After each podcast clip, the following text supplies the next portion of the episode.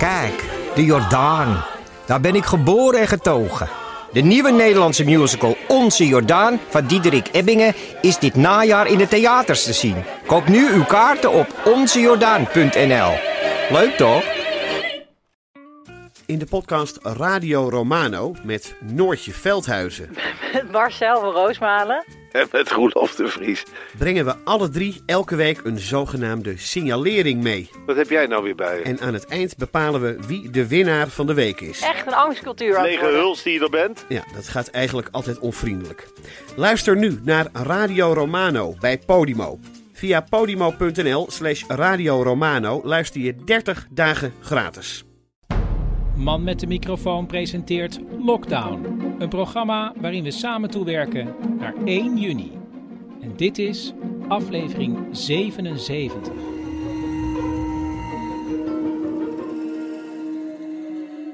Paulien, ja, ik, ik neem meteen maar het woord, want ik wilde graag beginnen met, ja, met teletext. Jij weet, ik Ja. ben een groot fan van teletext. Als, als, als jij naar een onbewoond eiland zou gaan met maar één app, dan zou het denk ik de teletext-app zijn, toch? Ja, ik kijk heel vaak op teletext. Nee, maar serieus, zou dit, is dit je lievelingsapp?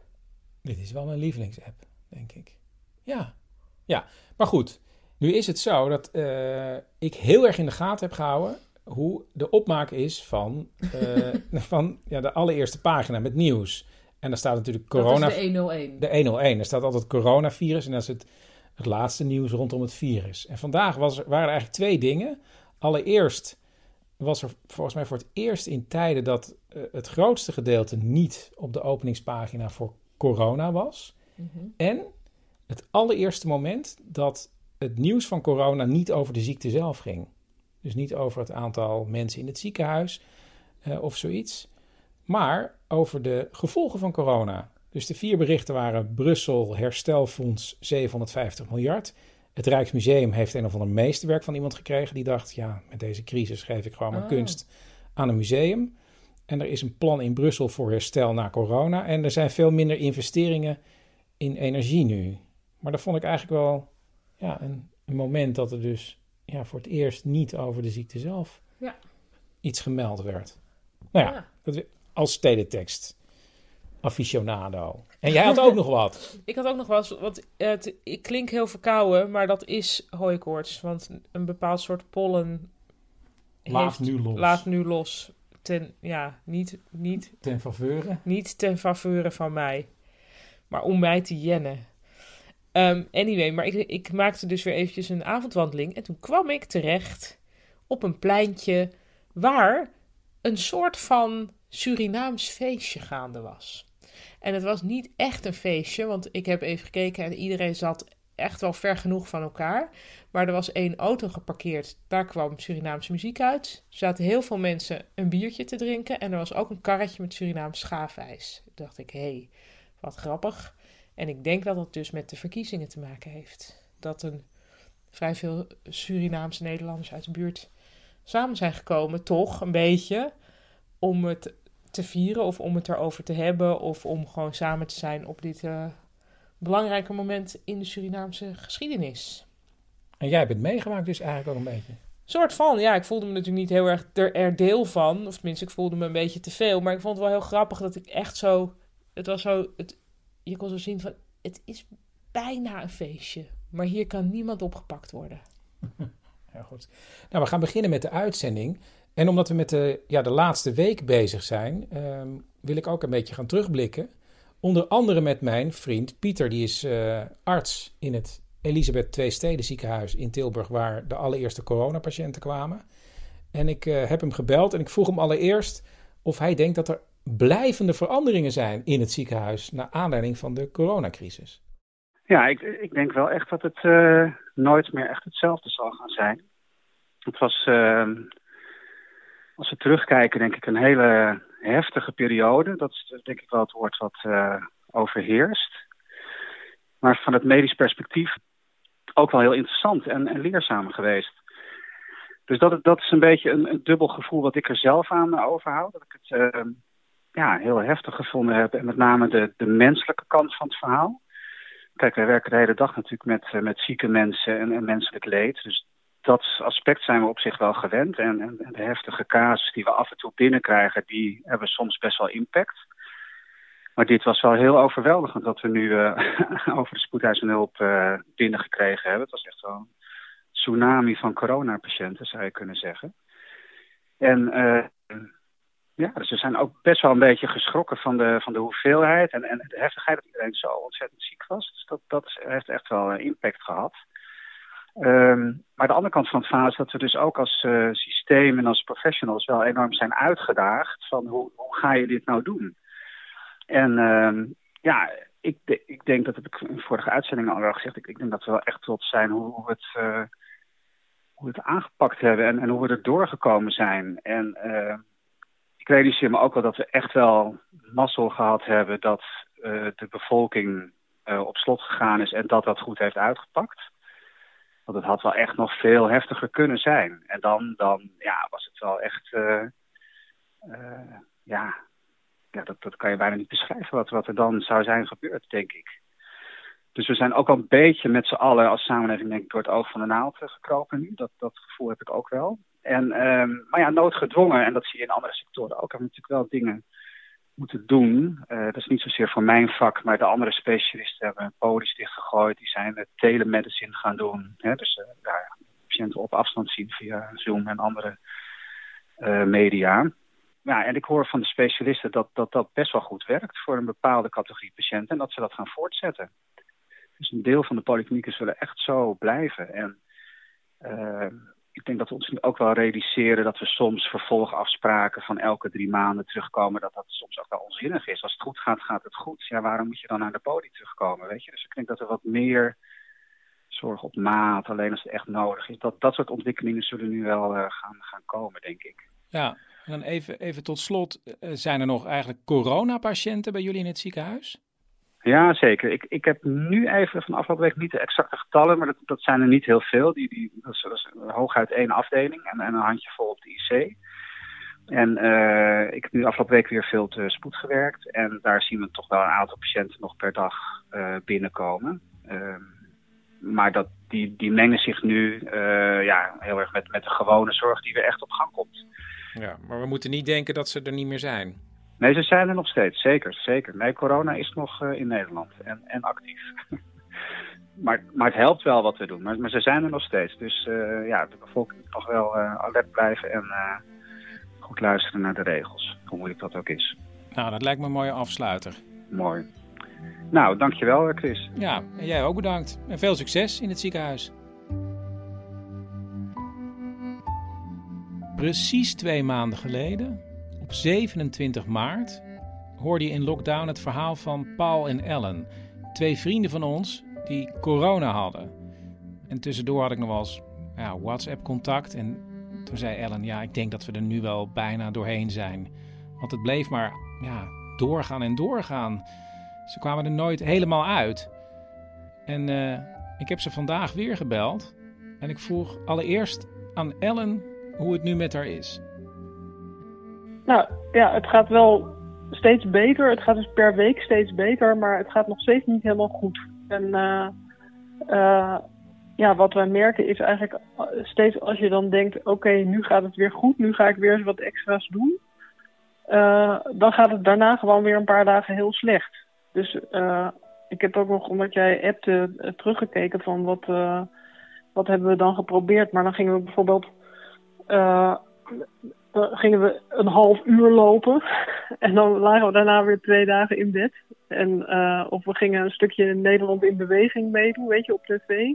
En dan lagen we daarna weer twee dagen in bed. Dus het gaat allemaal heel, heel langzaam. En uh, we hebben nu ja, nog steeds heel weinig energie. Dus als we dan weer iets doen, dan zijn we, zijn we echt kapot. Jeetje, ik, ik had er helemaal geen rekening mee gehouden dat het zo heftig nog lang door kon sudderen. Nou, wij dus ook niet, want we dachten het is, uh, het is vergelijkbaar met een griep eigenlijk in de symptomen die je allemaal hebt. En toen waren die symptomen weg. Uh, en toen dachten we, ja, uh, nu gaan we dus weer dingen doen.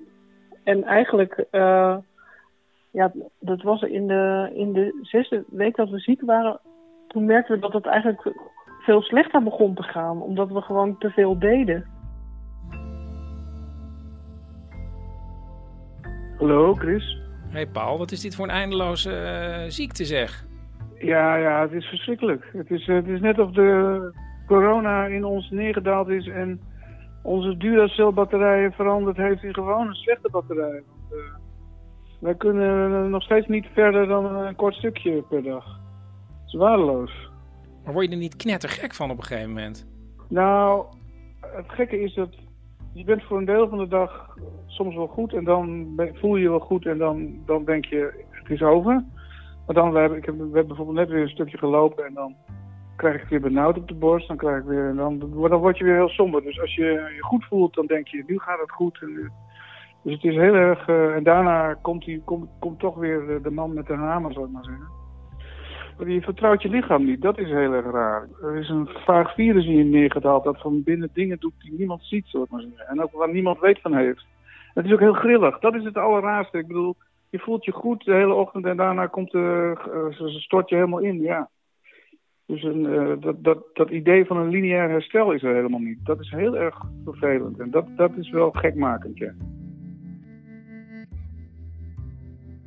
Maar ja, nu uh, iets van twee weken geleden, toen belde ik mijn huisarts en toen vroeg zij ineens van wil je dan post-corona revalidatie fysiotherapie? En dat was eigenlijk de eerste keer dat er iets gebeurde uh, dat, ja, dat, dat we echt zorg kregen, zeg maar, of dat we hulp kregen. Dus ik zei ja, ja, graag. En uh, nou ja, in die fysiotherapie heb ik dus geleerd dat je wel oefeningen moet doen om je conditie op te bouwen. Maar dat dat dan heel gelijkmatig moet. Dus dat je niet, als je te veel doet, dan ben je dus weer twee dagen ziek. Dus dan moet het allemaal heel erg traag en langzaam. En, uh, ja, en de eerste oefeningen die ik uh, kreeg, die konden we eigenlijk al niet eens goed doen. Want het was ook alweer te veel. Weet je, dat is dan een, ja, op, op de plaats joggen was dat. En dat, dat was al nog niet eens een minuut, maar dan ja, dat, dat, waren we weer totaal gesloopt. Hé, maar Paul, wat, wat, wat doe je dan de hele dag? Ben je wel nog met dingen bezig? Ik heb bij de HEMA zelf een fotoboek gemaakt met allemaal Japanse inkttekeningen, want ik hou erg van inkttekeningen. Uh, en dat ga ik oefenen. Dus uh, ik heb nu zwart-wit prentjes van dieren en zo, en die ga ik naschilderen. Dus ik ga, ik ga meer actief bezig. En verder nog veel televisie kijken natuurlijk. Ik krijg boxen films van, van kennissen, dus wij... Ik ben, kan, ben straks een, echt een film, filmkenner als, als ik weer beter ben. Dan heb ik heel veel oeuvres gezien. Nou Paul, ja, heel veel sterkte. Oké, okay, ja, dank je. Uh, dat, dat, jij en de jouwe gevrijwaard mogen blijven van dit vreselijke virus. Ja, ik hoop het, uh, Paul. Veel sterkte nog. Yo. Oké, okay, dankjewel. Doei doei. Doeg.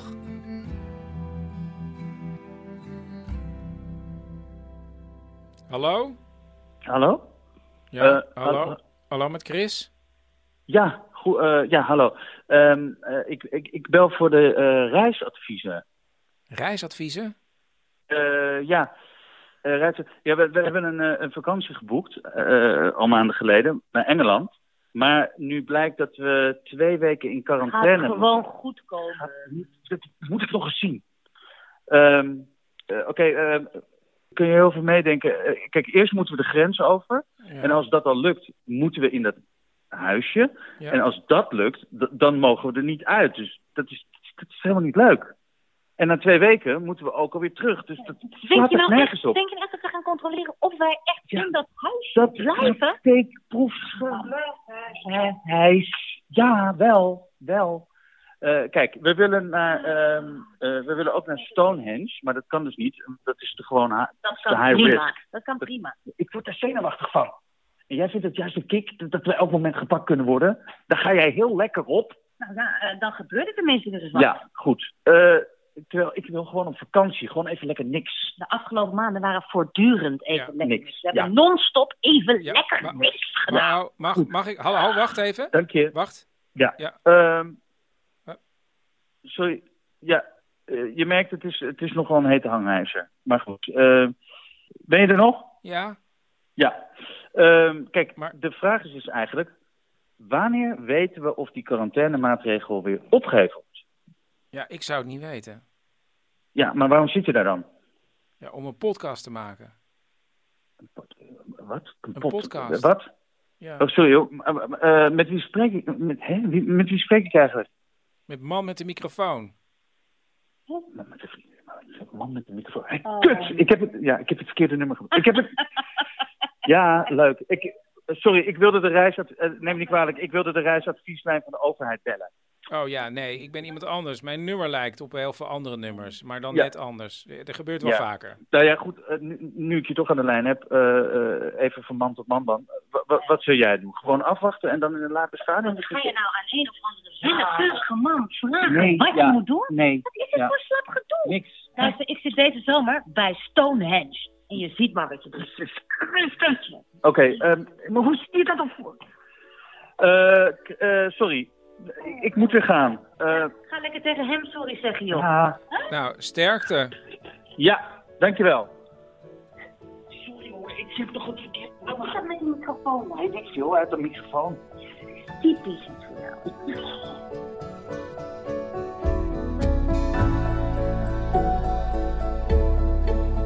Dit was aflevering 77 van Lockdown. Meegespeeld hebben Gijs Naber en Tekla Reuten in een tekst van Paulien Cornelissen. Eh, ja, heb je zelf een lockdown verhaal? Ja, het zou nog net kunnen.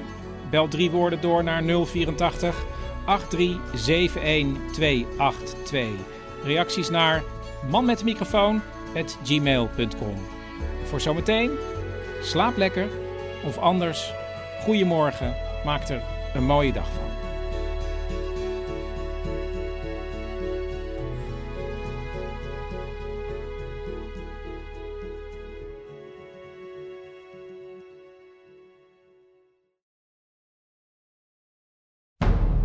Man met de microfoon presenteert Lockdown, een programma waarin we samen toewerken naar 1 juni. En dit is aflevering 78.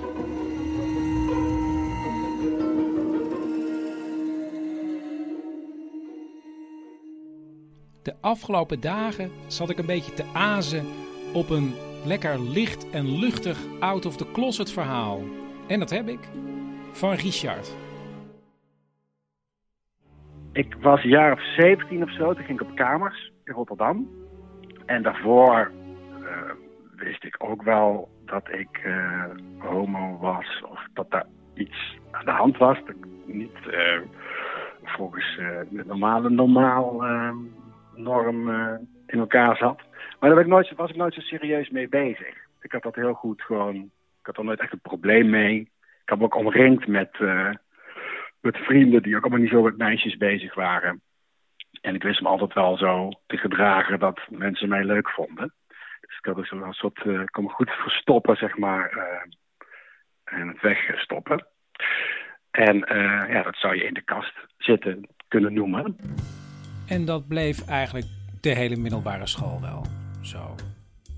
Alleen toen ik een jaar of 17 was en op kamers ging, toen dan kom je dus in een nieuwe omgeving. En dan ga je toch wat meer nadenken over wie je bent. En ja, daar, eh, ja, daar had ik toch wel problemen mee. En toen ging, werd ik ook wat serieuzer. Toen werd ik ook verliefd op iemand. Ja, dan moet je er toch iets mee. Maar hoe? En eh, daar worstel ik toch mee. Maar zoals ik zei, ik eh wist altijd wel goed te verstoppen. Behalve natuurlijk voor je ouders. Want die lezen jou natuurlijk. Dus die trapte daar niet in. En ik ging nog wel elk weekend naar huis. Ik kwam uit eh, Wimburg. Dus dan, al mijn vrienden woonden daar nog. En als ik dan thuis was bij mijn ouders, dan ehm, had ik wel vluchtgedrag. Als er dan werd gevraagd over eh, hoe gaat het met je? Ja, goed. Eh, maar ik ga nu, naar, ik ga nu weg. Ja, en zijn ouders, ja, die probeerden het toch gewoon. En die zeiden van, ja, ben je wel eens verliefd? En dan zei hij, Nee, hoezo? Eh, dus die hadden wel door, er is iets aan de hand. En, eh, en ik was altijd wel al bezig met ballet en met theater en met eh, wat meer de softere kant van het lezen. ja, zijn ouders zagen hun zoon en ja, ze worstelden met de gedachte. Wij denken dat onze zoon homo is, maar ja, wat doe je daar dan mee, hè? Ja, het is een worsteling, maar hoe ga je het zeggen? Dus mijn ouders eh, die, eh, zijn toen naar het COC gegaan om informatie eh, te vergaren. Nou, wij denken dat onze zoon homo is. Hoe moeten we dat doen? Nou ja, en mijn ouders inderdaad altijd wel op de barricades. Hè? Uh, als bischop Gijs iets geks had gezegd over het, over het geloof en over homoseksualiteit, dan hadden zij alweer een brief gestuurd. En dat was ook al voor, voordat überhaupt mijn homoseksualiteit aan de orde was. Uh, wij keken thuis op tv al naar Paul Haan, omdat ze het goed vonden om uh, goede representatie te zien van wat er allemaal bestaat. En als uh, wij dat zouden zijn, zou het allemaal geen probleem zijn. Dus dat was al het probleem niet. Maar je zit gewoon zelf in je eigen kast nog. Uh, en mijn ouders wilden daar iets mee doen. Ja, dus zij gingen naar het COC en ze, ja, om te vragen hoe gaan we het zeggen? Dat zei ze, nee, daar moet je echt niet over beginnen. Dat is heel bedreigend voor je kind. Daar moet iemand zelf uitkomen. Oké, okay, dus een second opinion. Uh, nou, daar zijn ze nog uh, aangeklopt bij een of andere soort roze ouders collectief. Nee, ja, nee, dat moet je toch echt niet doen. En dus dachten ze ouders, ja, dan moeten we het maar even verstoppen. Totdat? Totdat uh, ze Paul Hanen op tv zagen. En die was als dominee had hij een speech. Waarin hij zei dat je vaak hoor je als iemand uit de kast komt. Ja, dat hadden wij al lang gezien. En uh, dominee Remdaad, die werd daar heel erg fel op. En die was heel boos en die keek de camera in. En mijn ouders voelden zich dus aangesproken. Als je toch ziet dat je kind, of je beste vriend, of je broer of zus... worstelt met zoiets groots, dan help je die persoon toch? Dat zou je met elk ander probleem ook doen. Nou, dat was voor hun dus de, nou, de opening om het toch uh, bespreekbaar te maken. Ja, dan moest het maar gebeuren. De volgende keer dat Richard langskwam. Uh, dus ik kwam thuis. En mijn ouders die zeiden, uh, Richard ga zitten. En zij zeiden, ja Richard, we hebben het idee dat jij de laatste tijd niet lekker in je vel zit. Klopt dat? Nou ja, dat klopt wel. En toen voelde ik ook van, oké, okay, nou komt het. En uh, ze hebben dus zelfs het lef gehad om te durven benoemen van wij denken dat het ligt aan uh, of jij misschien homo bent of niet. Klopt dat? En uh, ja, toen heb ik ja gezegd. En dus eigenlijk hebben mijn ouders het mij verteld. En daar was ik, was ik best wel een gok, omdat van alle kanten zij hadden gehoord dat het niet de beste weg was. Maar voor mij was het echt een verademing. Uh, dat zij voor mij die deur open hebben gezet van de kast. En uh, het was heel fijn. En we hebben heel goed over kunnen praten. En ze hebben me ook gewoon gezegd: uh, zoek het uh, voor jezelf uit. Neem de tijd. Als je erover wil praten, mag het. Als je er niet over wil praten, hoeft het helemaal niet. Maar ik denk de manier, ja, maar de manier waarop ze het vroegen, was heel open en um, niet definitief. Als ik ja had gezegd, dat, het dan, dat ik er iets mee moest of zo. Het was echt gewoon het gesprek openen uh, om erover te kunnen praten. En uh, dat was heel prettig. En, en wat voel je vlak nadat ze tegen je gezegd hadden? Opluchting. Ja, dat ik heel blij was dat zij uh, mij dat duwtje hebben gegeven. Hetzelfde dacht ik het niet. Het is nu jaren later en Richard woont met vriend en hond in Amsterdam. Wil je nog iets zeggen over je coming out? Um, ja, dat het voor mij makkelijk is gemaakt. Dus dat is ook zeg maar de boodschap misschien die ik wil geven aan mensen. Dat als je ziet dat iemand in de kast zit, dat uh, de mensen buiten de kast de sleutel hebben. Ja, dat is mooi gezegd. Ja. En misschien geldt dat ook al voor andere moeilijke situaties.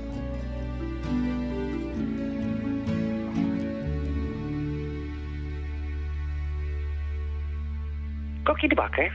Dag mevrouw de Bakker, u spreekt met man met de microfoon. Oh, wat leuk. Oh, ja. Ik hoop dan dat u zou bellen, ja. Ja, want u heeft drie woorden ingesproken. Ja, dat klopt helemaal, ja. ja, oh, ja het enige is ik nou net dat uh, mijn batterij bijna op is, dat ik misschien zo wegval. Oh, nou, we proberen het gewoon. Oké, okay, goed. Ja, nou ja, mijn woorden waren uh, vakantie in eigen huis, thuiskomen uh, en verhalen. Nou, vertel. Nou, wat is het fijne van vakantie? Nou? Dat je weer thuis komt. Ja. ja. Want waarom ga je anders met vakantie? Ja, ontspanning en rust misschien? En voor de verhalen. Oh, hè? Niet een mooie natuur? Nou ja, een, een mooi uitzicht kan je niet delen, Chris.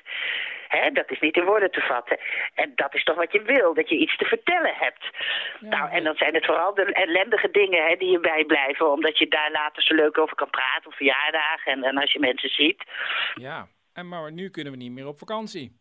Ja, dus daarom vakantie in eigen huis. Oh, ja. Ja, ik ben dus nu allemaal verhalen aan het verzamelen. Thuis. Oh, dat bent u aan het doen. Ja, precies, ja. En omdat er eh, geen reisleider in je woonkamer staat... ja, moet je dus wel echt alles zelf initiëren. Oh ja, ja dat snap ik. Wat maakt u dan mee? eh, Nou, eh, eh, vorige week, hè, maandag. Toen heb ik bij de Jumbo een satéetje ayam ge- gehaald en buiten de ijskast gelegd. En toen zaterdagmiddag even anderhalf minuut in de machterton opgepiept en opgegeten. En wat denk jij, Chris, wat er toen gebeurde? Ja, ik kan me er wel iets bij voorstellen. Nou, na een half uur was ik weer helemaal terug in Phuket. Maar dan nog een tikje erbovenop. Ik ben vier dagen aan de zware, zware dunne geweest. Nou, en na drie dagen had ik geen beddengoed meer over. En eh, ja, ben ik dus op het kleed in de woonkamer gaan slapen onder een oude winterjas. Want dat hele matras, hè, nou dat kan hoor, eh, die was totaal verzopen. Ja, ja, tjee, ja. Ik weet niet of Maar dit nou goed, is. eh, dit is dan even de korte versie. Hè? Want op de tweede dag, toen lag er ook nog zo'n heel lang spoor op de gang. Oh ja, nou dan lijkt de korte versie Maar die heb ik net weer in de was gezet. Oh. Ik, ik, ik, eh, jij bent van de radio, ik loop er even heen. Dan... Oh, als je dat ziet, joh.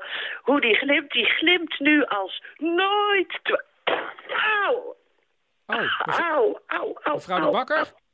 Mevrouw de Bakker? Ja, ik ben gevallen. Ai. Jezus Maria. Jozef, mijn hele onderbeen steekt naar buiten. Oh, shit. Auw. Oh, wacht even. Oh, wat kan ik doen? Ik, ik, ik, maak er even een, een vakantiefoto van. Zoiets heb ik echt nog nooit meegemaakt. Kan ik iets voor u doen nu? Oh, ik voel me zo raar. Ik, ik, ik wou dat ik weer thuis was. Maar ik ben thuis. Oh, wacht even. Allemaal. Oh mijn god, wat een bloed. Eh, ja, ik moet toch misschien maar even... Waar woont u? Mevrouw, mevrouw de Bakker?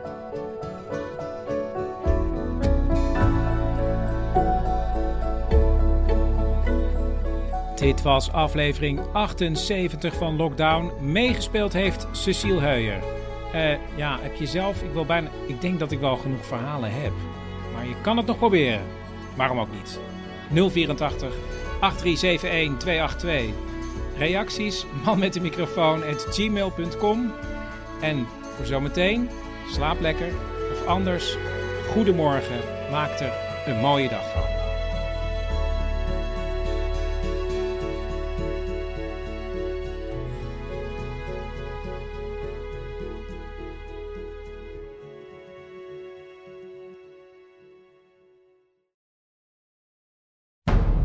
Man met de microfoon presenteert Lockdown. Een programma waarin we samen toewerken naar 1 juni. En dit is aflevering 79.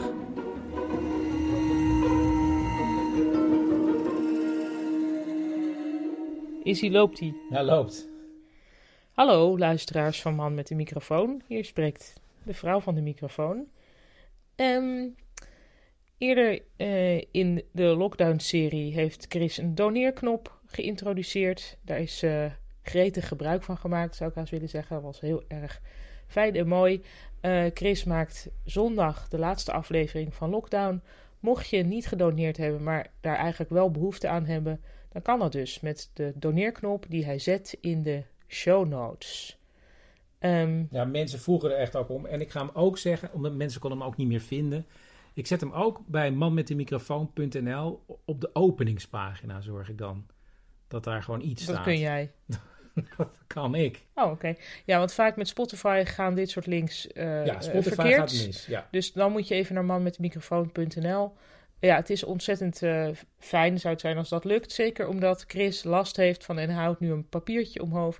Oh ja, ik en had hij houdt nu een, briefje omhoog. Ja, ik had opgeschreven, ja, ik heb last van de wet van de remmende voorsprong. Want ik ben nu bijna ja, 80 dagen bezig. En ik geloof nu dat de advertentiemarkt weer loskomt op het moment dat ik ga stoppen. Dus ja, dat is toch een beetje jammer. dus dat was het. Ik denk, nou, als je ervan genoten hebt, dan eh, kan je de doneerknop aanklikken. Maar we gaan ook gewoon beginnen met het programma. Ja, het is vandaag ook weer een soort afrondend geheel. Uh, met een beetje de familie. Want volgende week gaan de grote jongens Joep en Teun weer naar school. Nou, dat hoor je zo meteen. En uh, Wiek gaat naar school. Die gaat... Nee, die, die... Oh, nee. Dat is pas over een, weer een week later. nou, ik hou het niet meer bij. Ik moet ook echt stoppen, want ik hou het gewoon niet meer bij. Nou, die gaat over een week later dan weer naar school. En die ja, heeft die dan gaat wel naar school, maar, maar nog maar twee de hele dagen per week. week. Maar dan blijkt ook opeens dat het is de woensdag... Dus, Ja, oh ja, en nou ja, ja. whatever. Whatever. Die gaat op een gegeven moment weer... Ik vind ons wel veel meer laid, laid back over dat wij absoluut niet meer weten wie wanneer hier thuis is, wat er van ons wordt verwacht. Dat we heel erg, ja, van nou ja, we zien wel hoe we het oplossen of zo. Dat vind ik wel goed. Dat is, eigenlijk is het heel positief. en ik wil ook nog even zeggen, want heel veel mensen vroegen... ja, hoe is het nu met, nu met Teun? Want die had heel veel moeite op school... en eh, die moest op een gegeven moment ook naast mij zitten om overdag te werken. Nou, ga er maar van uit. Ik heb heel erg geprobeerd om Teun voor de microfoon te krijgen. Maar het is, nou, hij is nog net geen Mark Rutte. Dat is, is ons helemaal niet gelukt. Maar het scheelde ook niet zo heel veel moeite meer voor gedaan. Nee, oké. Maar het scheelde niet veel bij Teun. Maar ik, het is me gelukt om Teun en Joep allebei voor de microfoon te krijgen. Ehm, en je hoort ook nog mijn moeder. Maar beginnen met Wiek. Een beetje van Wiek. Wiek, dit is je laatste weetje van Wiek, hè? Ja. Waar gaat het over? Vereinde. Nog iets. Afscheid nemen. Dat is eigenlijk een heel goed weetje voor het laatste weetje. Vertel. Afscheid nemen is bij mij een beetje treurig. Want ik heb een vriendinnetje, dat heet Roel. En daar is het afscheid nemen niet zo leuk. Maar als ze dan weer komt spelen, dan is het natuurlijk weer leuk. En kun je nog iets over eindes zeggen? Het einde van een babypoesje is een gestorven kat. Het einde van de wereld is gewoon niks. En het einde van de zomer is de herfst. En het einde van de herfst is de winter. Het einde van de winter is de lente. En het is nu lente. En een einde van het weetje van Wiek is dit.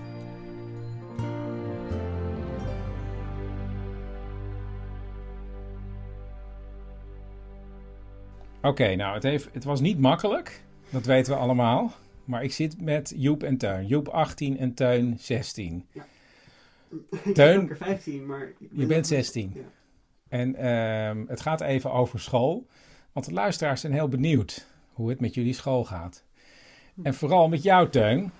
Kun jij even een update geven sinds de laatste keer? Toen ging het niet zo goed op school, want je leverde geen opdrachten in. Toen ben je heel lang naast mij gaan zitten. Mhm. En toen werd het meivakantie. Mijn vakantie. Oh ja, de vakantie. Dat was heel fijn. Want ehm, toen waren er geen lessen. En ook helemaal geen nieuwe opdrachten en nieuw- niks nieuws. Ehm, toen was het ook lekker duidelijk zo van, ik loop zo ver achter. Ehm, dat was fijn om dat langzaam te kunnen inhalen. Maar het begon weer en toen was dat weer een kleine dip in mijn moraal, Motivatie. motivatie. Nou, het was een hele diepe dip, hè, Teun? een klein dipje. Ehm, maar nu gaat het weer iets beter. Toen ging het niet.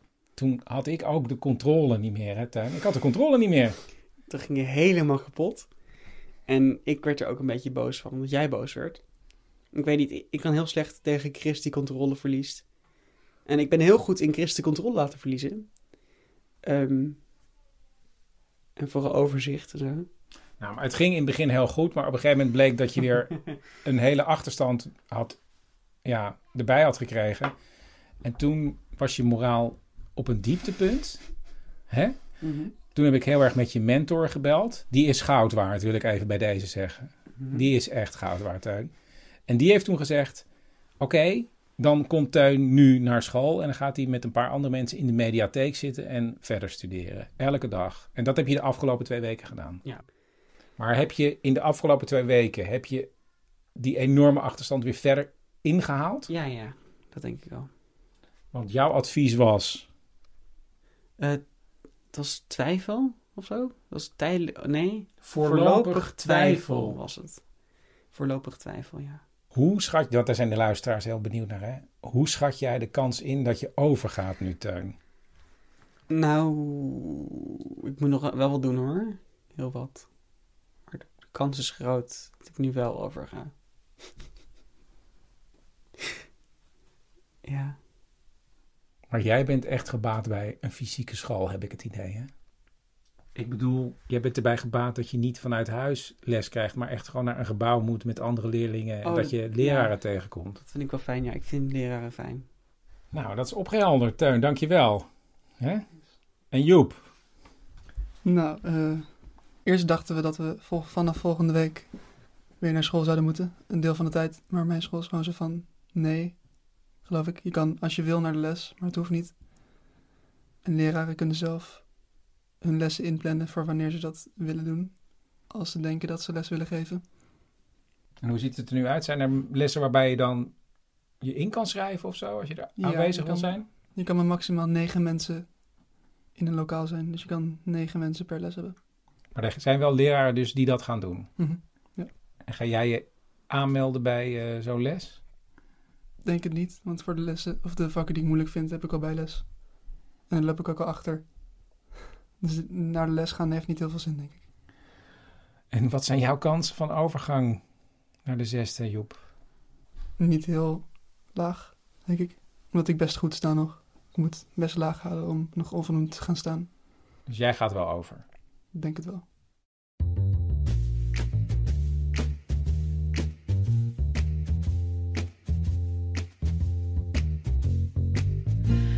Tijd voor de moeder van Chris.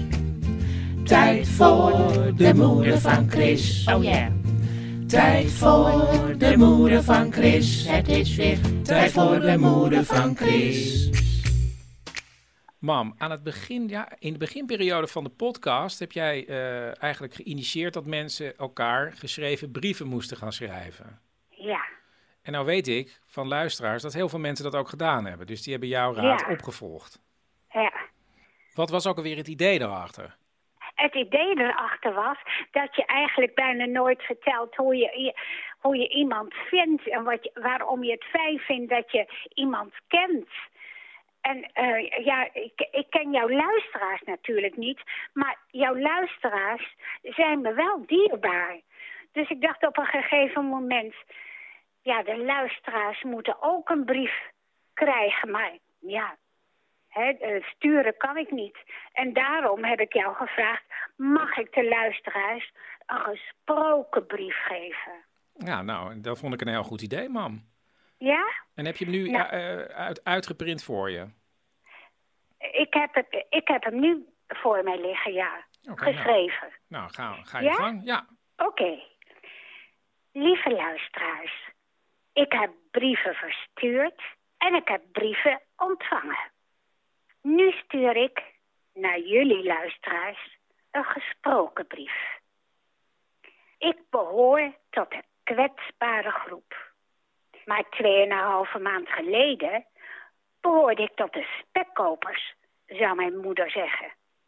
Ik ging naar concerten, balletten, opera's, cabaret, films enzovoort. En altijd zat ik in volle zalen, waar het geklap en gejuich aan het eind weer klonk.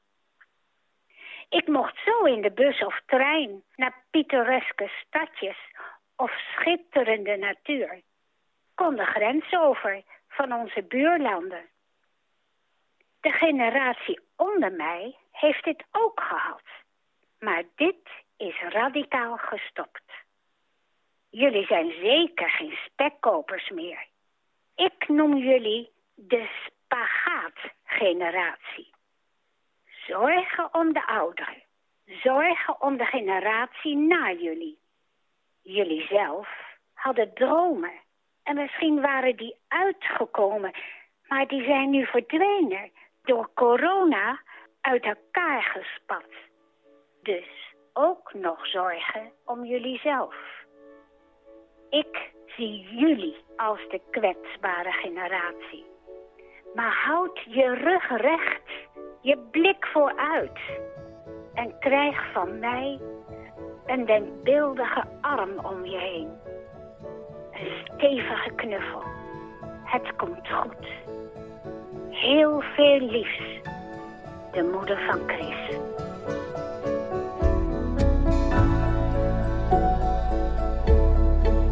Dit was aflevering 79 van Lockdown. Ik, uh, ja, ik dacht, ik kan het telefoonnummer nog noemen hè, voor een drie woorden verhaal. Maar ik dacht opeens, misschien kan je in drie woorden een heel verhaal vertellen. Want soms heb je gewoon in drie woorden het hele lockdown verhaal al verteld. Ja, probeer dat anders. Op 084 8371282. Voor zometeen, slaap lekker. Of anders, goeiemorgen. Maak er een mooie dag van.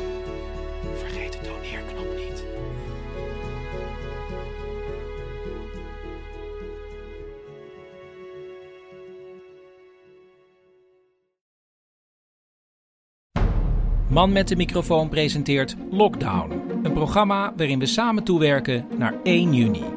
En dit is aflevering 80.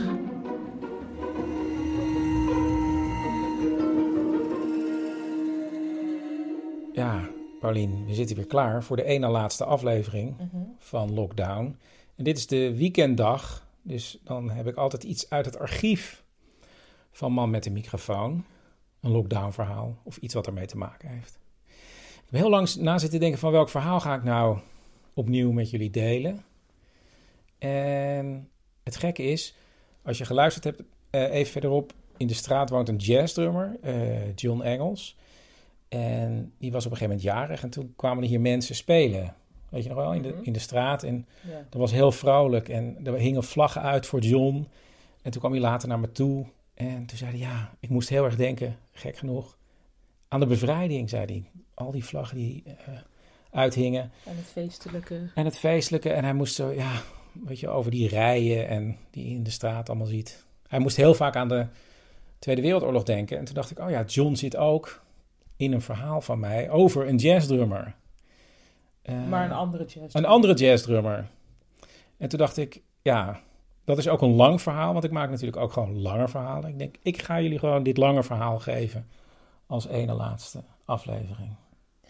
Moeten we nog iets het- over zeggen? Ja. Ik vond ook wel. ehm, Zal ik hem even pakken? Ja. Ik vond ook wel passend, want ik las toevallig vandaag, dus zaterdag, ehm, wel een mooi stukje in de Volkskrant van Julia Oudhuisius over. eh, ja, die zich eigenlijk heel erg stoort aan elke vergelijking die er wordt getrokken tussen de Tweede Wereldoorlog en nu deze situatie. En hij gaf een paar erg treffende voorbeelden van waarom dat vaak inderdaad totaal misplaatst is. Ehm, en hij haalde ook nog dat mooie gedicht van eh, Judith Hertzberg aan, wat mijn tante Sjaan ook nog in een van de afleveringen van Lockdown heeft voorgelezen, omdat zij er ook zo door gegrepen was. Van ja, het lijkt er oppervlakkig op, maar het is iets totaal anders.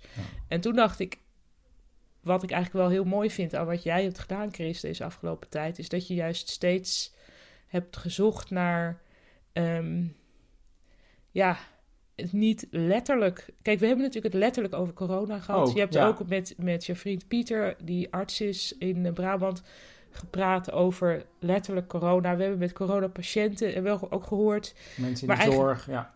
Maar eigenlijk heb je er steeds op de een of andere manier. ben je er net langs gescheerd.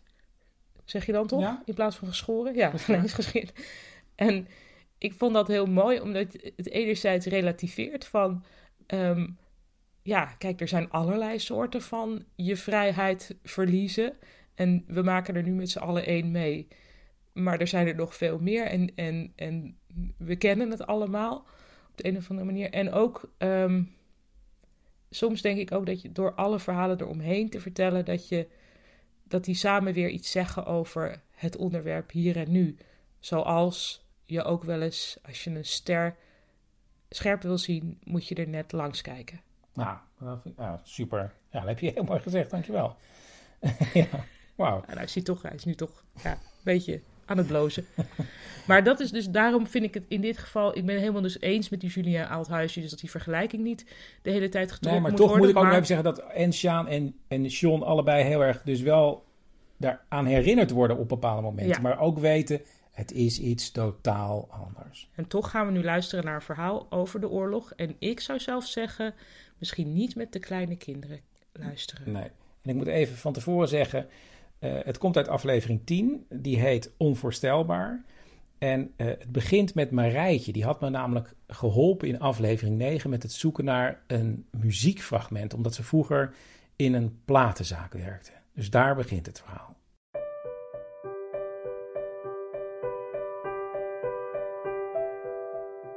Ja, Marijtje, we zitten hier eigenlijk voor dat andere verhaal. Ja. Ehm, nou, vertel maar gewoon. Ja, je mag ook helemaal eigenlijk opnieuw vertellen van ik was, ik werkte dus. Ja. Ja, ik werkte in een winkel, in een cd-winkel. En het was 1998 uit mijn hoofd. Ik sta daar op een gegeven moment te werken en toen ging de telefoon. En aan de andere kant van de lijn is een oudere vrouw en die zegt: Ik heb een beetje een rare vraag, zei ze. Ik heb een man en die leeft niet meer. En die zat altijd overal op te trommelen, dat herinner ik me ook. En die zei altijd, ja, maar dat komt omdat ik vroeger drummer ben geweest. En daar geloofde ik nooit wat van, vertelde zij.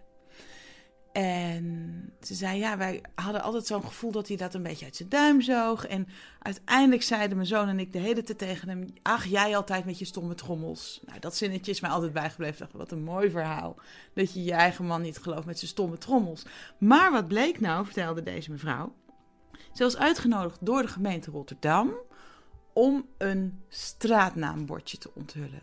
Want haar man, die Maurice van Kleef heette, bleek wel degelijk drummer te zijn geweest. Vernoemd in een Maurice van Kleefstraat. En zoals zij zei, nou blijkt het dus waar te wezen. Mijn man was drummer. Ergens voor de oorlog, in de oorlog, ik weet het niet, heb jij een cd van mijn man Maurice van Kleef.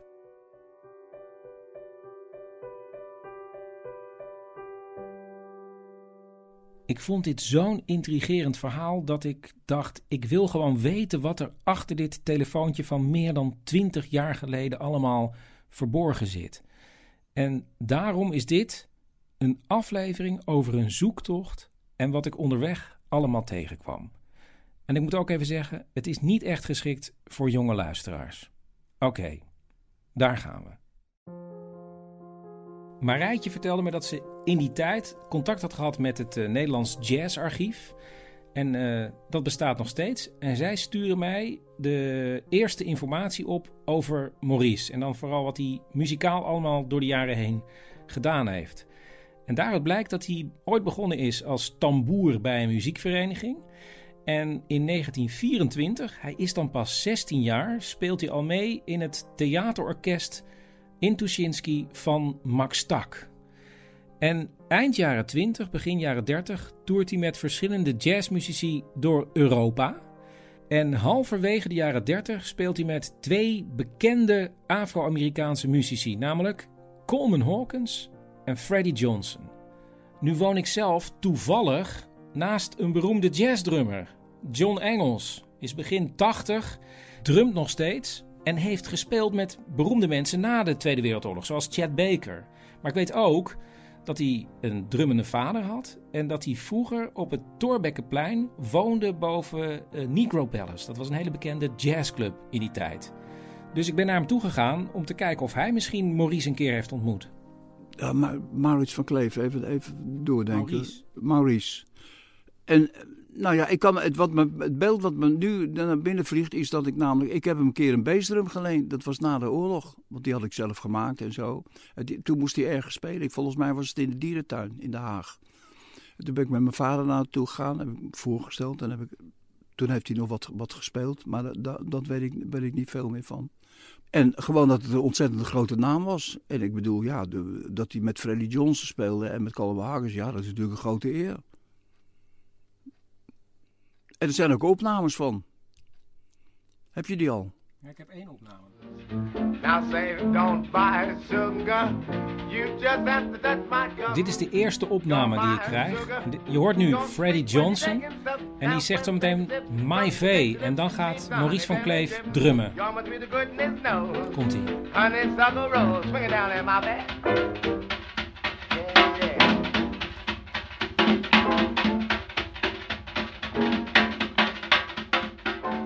Volgens John heeft Maurice dus na de oorlog ook nog even gespeeld. Maar ik ben benieuwd naar die wereld van de jazz in de jaren 30 en in de oorlog. En daarom ben ik gegaan naar de kenner op dat gebied, Hans Zirkzee. Uh, de jaren 30 was zwarte muziek mateloos populair. De ouderwetse Negro-sfeer is weer helemaal terug. Zwarte muzici werden enorm gewaardeerd. Coleman Hawkins die eh, stond in uh, augustus 37, uh, eh, bijna anderhalve maand lang, op de Oude Binnenweg gratis entree. Maar je moest wel twee drankjes nemen, die overigens erg duur waren. Aan de andere kant is het, heeft het ook weer met racisme te maken. Coleman Hawkins kwam Duitsland niet in. Hij zou met het orkest van Jack Hilton naar Duitsland gaan, maar die een soort Trumpiaanse maatregelen. De negers kwamen Duitsland niet meer in.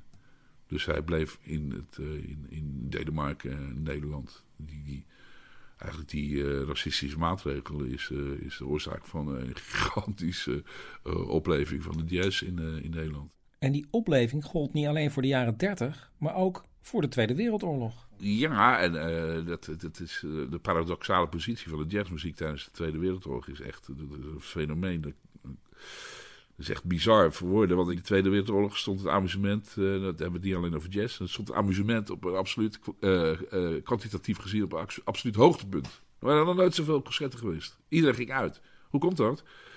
Escapisme is natuurlijk een, een begrijpelijk argument, maar er was sprake van een economische hoogconjunctuur in de eerste jaren van de oorlog. Ik ga het niet mooier maken dan het is, maar het was wel zo. Kijk, voor, voor de Joden was het natuurlijk een barre tijd. Maar voor de gemiddelde Nederlander was, ging het goed. Alleen, alles was op de bon. Het distributiesysteem. Dus men had geld en kon het niet uitgeven. Dus men ging stappen. Ik vind ergens een dagbladartikel uit 1940... waarin een avond wordt beschreven waar ook Maurice van Kleef meespeelt. En dat is voor de journalist van het Nationale Dagblad Nationaal Socialistisch Dagblad, een goede reden om eens iets over jazz te schrijven. Jazz is muziek van Noord-Amerikaanse negers. Eens leefden zij verbonden met grond welke hun sinds eeuwen behoorde. Het zwarte werelddeel waar de mensen oorspronkelijk zijn en de felheid der driften overgaat van geslacht op geslacht. Toen werden zij weggevoerd uit het land waarmee maar ze De Amerikanen hadden een grenzeloze verachting voor de negers en te weinig cultuur om deze muziek te zien voor wat zij was: de kreet van een gepijnigd ras. Wie onzer zal er zich over verbazen dat het vooral Joden waren die op deze muziek kwamen azen en aan haar best vermogen toe medewerkten om het geheel een zo schreeuwerig mogelijk aanzien te geven. En dan wordt er ook nog als volgt geschreven over de Joodse muzikanten die die avond optraden, waaronder dus Maurice van Kleef. Aan walgelijkheden gingen ze zich vooral te buiten. Een danspaar en een negental dat zich Europa's beste jazz-improvisators liet noemen. Joden, Joden en nog eens Joden. En dit weten we intussen wel. Als een kleine Jood in de gelegenheid gesteld wordt zich te laten gaan, zal hij het niet laten. En juicht men hem dan ook nog toe, dan is hij in het geheel niet meer te houden.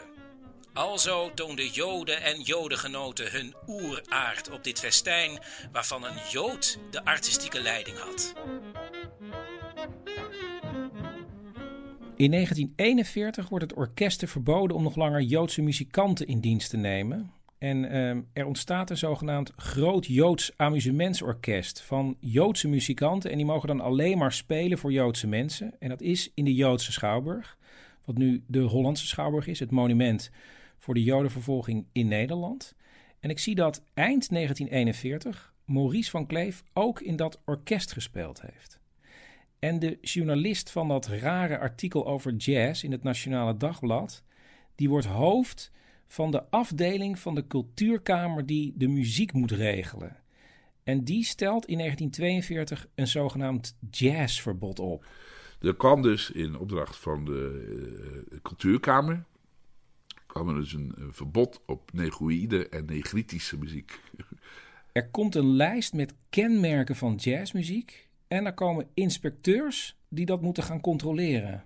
Oerwoudgeluiden, de growl, de, de, de, de, shake, bepaalde effecten, muzikale effecten, die, die staan gewoon op papier verboden door, door de cultuurkamer. Maar ja, los van de kennis van die, van die inspecteurs, om ze zo maar te noemen, waren er ook veel te weinig. Dus dat jazzverbod heeft nooit effect gehad.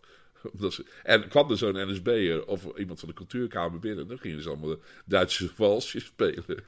ja, ja, dus de jazz, of de amusement en muziek, die stond op een absoluut hoogtepunt. Verdiende klauwen met geld. Het is nog bizarder als je weet dat de orkest van Ernst van het Hof in 1941, die speelde in Hartje Berlijn.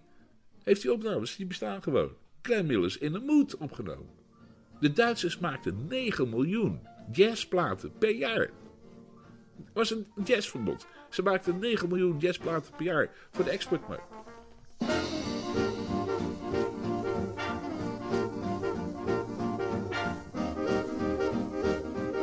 Uh, Goebbels die merkte dat die jazz niet uit te roeien viel. Juist het hogere echelon, bijvoorbeeld piloten, die luisterden allemaal naar de BBC, naar die jazz.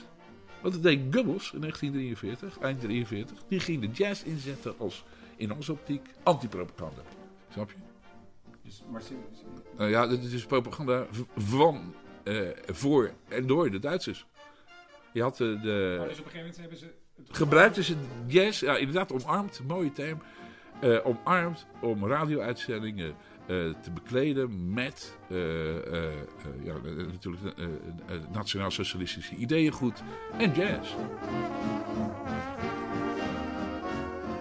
Het is niet makkelijk om uit te vinden wat er precies met Maurice gebeurd is in de Tweede Wereldoorlog. Want in een van de schaarse interviews die hij geeft na de Tweede Wereldoorlog wil hij het er liever niet over hebben.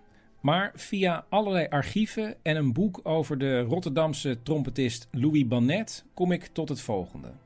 Op 23 juni 1942 krijgt Maurice een oproep om zich bij de Duitsers te melden. Hij is op dat moment getrouwd en heeft een zoontje van 9. En hij heeft een soort uitreisvisum naar Zwitserland. Hij heeft zijn drums bijvoorbeeld al naar Genève gestuurd. Maar voordat hij afreist, wil hij afscheid nemen van zijn ouders. En die zitten ondergedoken in een boerderij in de buurt van Scheveningen. En als hij daar is, worden ze allemaal bij een razzia opgepakt en afgevoerd. Zijn naam duikt op bij een muziekavond in Westerbork. Maar waarschijnlijk wordt hij heel snel verder vervoerd naar verschillende concentratiekampen. En dan in 1943 zit hij in Auschwitz, waar hij werkt in de kolenmijnen. En als hij dan ziek is en terugkomt in de ziekenboeg, ontmoet hij daar collega trompetist Louis Bannet. En die redt min of meer het leven van Maurice, want Bannet leidt het kamporkest heeft een tijdschrift waarin een foto staat van Maurice en weet de nazi's ervan te overtuigen dat hij deze drummer goed kan gebruiken in zijn orkest. En er is ook een dag waarop er een viertal muzikanten wordt opgeroepen, waaronder Maurice en Louis, om te spelen op de verjaardag van een hoge natie. En ze worden vervoerd naar een huis waar ze die avond moeten gaan spelen achter plantenbakken zodat niemand ze kan zien. En die avond, als ze muziek maken, zien ze voor wie dit feest is georganiseerd. Namelijk voor de kamparts Dr. Jozef Mengelen. En voordat ze die avond weer worden teruggebracht, weten ze nog snel overgebleven voedsel te verstoppen in hun muziekkoffers. Daarna scheiden de wegen van Louis en Maurice zich en weet ik alleen dat Maurice op 23 april 1945 bevrijd is door de Amerikanen in Bamberg. Zijn vrouw Mietje van Kleef-Polak en zijn zoontje Isaac van Kleef zijn allebei op 19 november 1943 in Auschwitz omgekomen. Ik lees ergens dat een reden dat Maurice niet meer veel gespeeld heeft na de oorlog zou kunnen zijn dat hij te veel heeft meegemaakt. Maar ik kom er niet helemaal uit, want er zijn nog wel een paar optredens waar ik zijn naam zie opduiken. Het zou ook gewoon kunnen zijn dat er niet veel werk was in de muziek. Na de bevrijding, wij, wij associëren die bevrijding met de muziek van, van uh, Klein Miller, uh, swing en vreugde. En dat is uh, volkomen onzin eigenlijk, want het stortte inderdaad volkomen in. Dat was de slechtste periode voor wat de jazz betreft. Sinds begin, begin, sinds het debuut van de jazz in, in Nederland. Ten eerste was er een enorm welvaartsprobleem, een enorme armoede. er was ook de babyboom. Is, de bevrijding, zeg ik wel, werd niet alleen op straat geweerd. Dus ik werd zwaar aan huis gekluisterd. De belangrijkste jazzbands gingen met de geallieerden mee. Ander element waardoor die jazz uh, na de bevrijding instort, is A, de, de, nieuwe radio. Want de radio bevrijdt Nederland, daar konden we dan luisteren in Eindhoven uh, 44. Veel jazz, ontzettend veel jazz. Uh, 46 is er geen jazz meer te horen op de radio, want het beschavingsoffensief van de overheid. De jeugd, met name de jeugd, was in de laatste oorlogjaar volkomen losgeslagen. Veel mensen hebben het er niet over, maar het was complete allergie. En als je je verplaatst in die positie, je hebt honger, dan jat je de brood. Dan sla je iemand neer voor een prakkie. Dus je jeugd was losgeslagen en die moesten zeker niet naar de jazzmuziek luisteren. Die moesten weer terug in het gareel. Dus de jazz floreerde tijdens, uh, tijdens de bezetting. En dan de zogenaamde bevrijding stort het voorkomen in. En dat heeft ook uh, een, een, natuurlijk invloed op de, op de arbeidsmarkt gehad. In mijn verzamelde papieren lees ik dat Maurice na de Tweede Wereldoorlog vrij snel is hertrouwd en al in 1946 een zoontje krijgt. En waarschijnlijk is deze tweede vrouw degene die ooit belde met Marijtje. En nu weet ik niet zeker of die tweede vrouw nog leeft, maar die zoon misschien wel. Maar wat ik ook probeer, hoe ik ook zoek, ik vind niks. Ik doe een oproep op Facebook en dan meldt zich opeens iemand daar van het radioprogramma Adres Onbekend. En ik denk, ja, waarom niet? Het eerste zoekprogramma van Nederland kondigt zich aan. Adres Onbekend.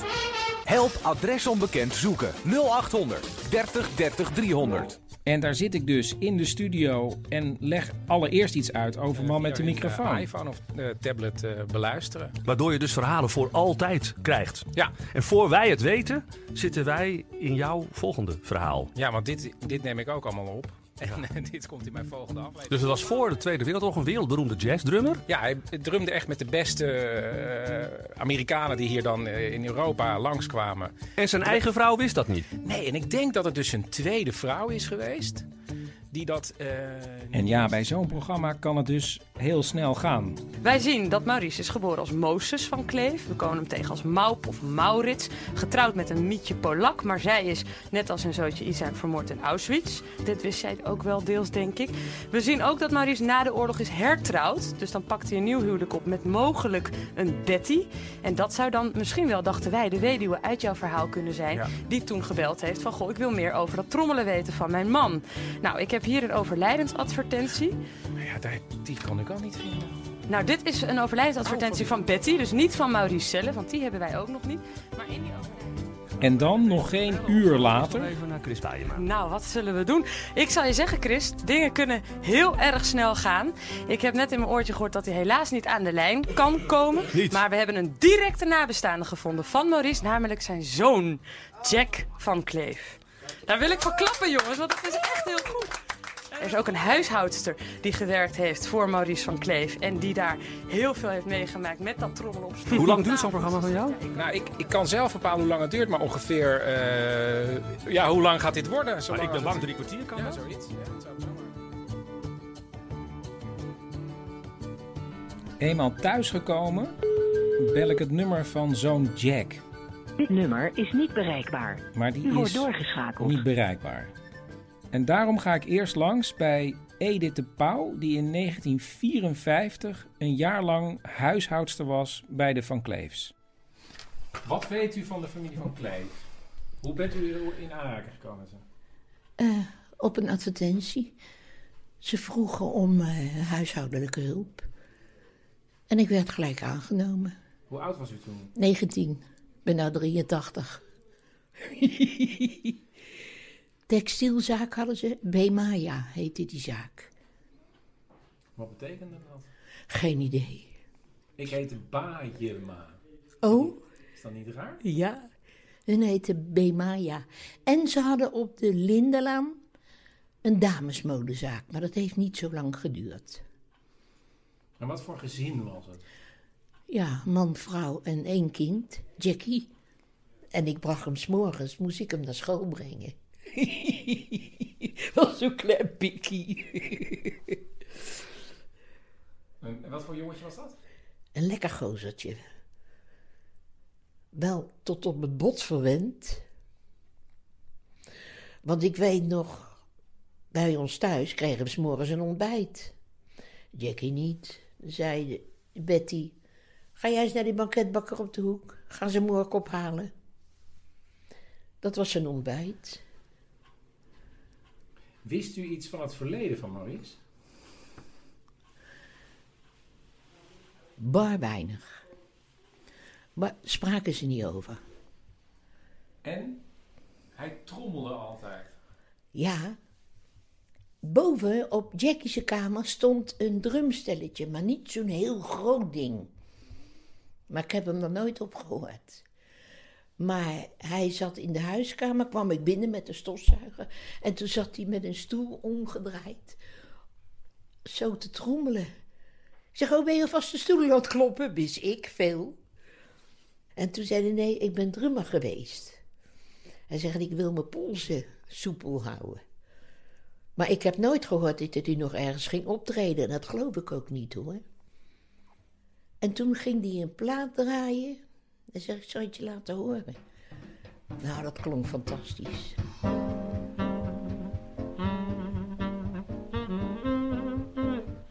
Wanneer ik zeg dat mijn zoektocht begon bij een straatnaam die naar Maurice is vernoemd, reageert mevrouw de Pauw heel verbaasd, want zij wist dat ook niet. Joh. Nee. Ik vind de rotstad Rotterdam. Hij heeft wel een straat. Dat vind ik gaaf. En heet die Maurice van Kleefstraat? Oh, wat goed zeg.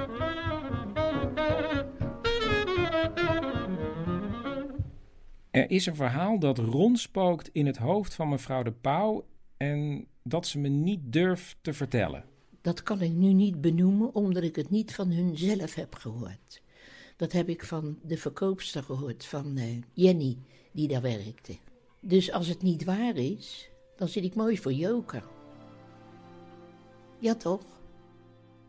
Ik beloof dat ik het verhaal eruit laat als er helemaal niks van waar is. Het gaat over Betty van Kleef, die net als Maurice Joods was, en wat zij op een dag meemaakte in de Tweede Wereldoorlog.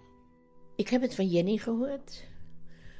Zij is opgepakt, op een vrachtwagen gezet, met gewapende Duitsers of Hollandse NSB'ers, dat weet ik niet.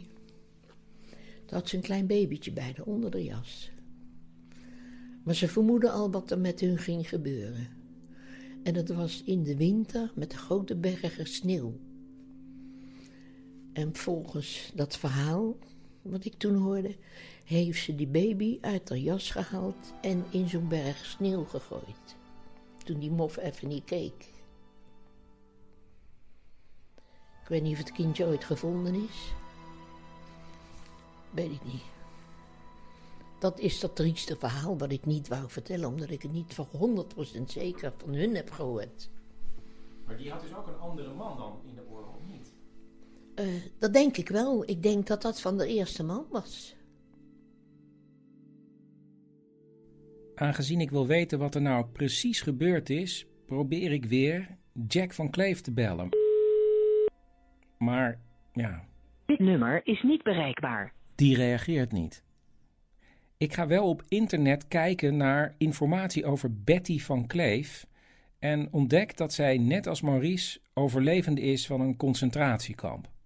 Ik zie ook dat ze ooit een interview heeft gegeven aan de Shoah Foundation. Dat is dat project van Steven Spielberg waarbij overlevenden hun ervaringen vertellen van de Holocaust. Ik maak een afspraak om dat interview te bekijken, maar ik ga daarvoor naar de journaliste Elma Verheij, want Betty komt ook voor in een artikel over de zaak Zundler. Volgens mij heb ik haar ontmoet in 1994. En uh, toen was ik bezig met de zaak Zundler. Dat was dus een uh, SS'er in de Hollandse Schouwburg die mensen had geholpen. Uh, dat was ook wel bekend, maar iedereen dacht dat hij verraden was en omgekomen was. En ik ontdekte dat die man nog leefde in München. Wat was haar verhaal in, in, in zaken Nou, in de zaak Zundler was het, was het verhaal als volgt. Zij is op een gegeven moment... Uh, ze is dus, uiteindelijk is zij in, in Auschwitz uh, terechtgekomen. Maar daarvoor is ze ook een keer opgepakt. Ik, dat kan me niet meer precies herinneren. Maar in elk geval hoe dat is gegaan. Maar ze zat dus in de, in de trein die klaar stond op het station Muiderpoort... En dacht toen van, ja, ik geloof dat ik niet bij mijn hoofd ben. Waarom zou ik eigenlijk hier in die trein blijven zitten? Dus kijk, het was natuurlijk best een heel dapper mens. Dat, dat, uh, hè, dat, dat, dat zag je alles. Ja, ook het was echt een hele sterke vrouw, weet je. Knap, groot. Uh, ja, was echt een bijzonder mens. Nou, en ze stapt dus uit. En uh, uh, die trein die stond uh, ergens gearrangeerd. Dus er was ook helemaal geen perron of zo. En ze stapt uit en wandelt zo in de armen van, van, die, van die bewaker. In dit geval die Zundler. Nou, en die wijst haar naar de voorkant van de trein.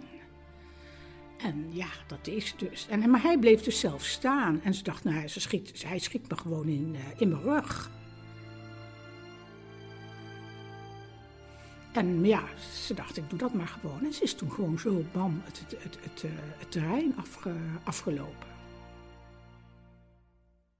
Dus hij heeft haar haar leven? Ja, dat kun je, kun je wel zeggen. Want als zij toen, laten we zeggen begin 43 als zij toen onmiddellijk naar Auschwitz was doorgestuurd, ja, dat had ze natuurlijk niet, ge, nog, nog, nog, niet gered.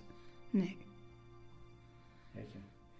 Ja, want die Maurice heeft dus overleefd dankzij het feit dat hij heeft gespeeld. Hij was jazzdrummer.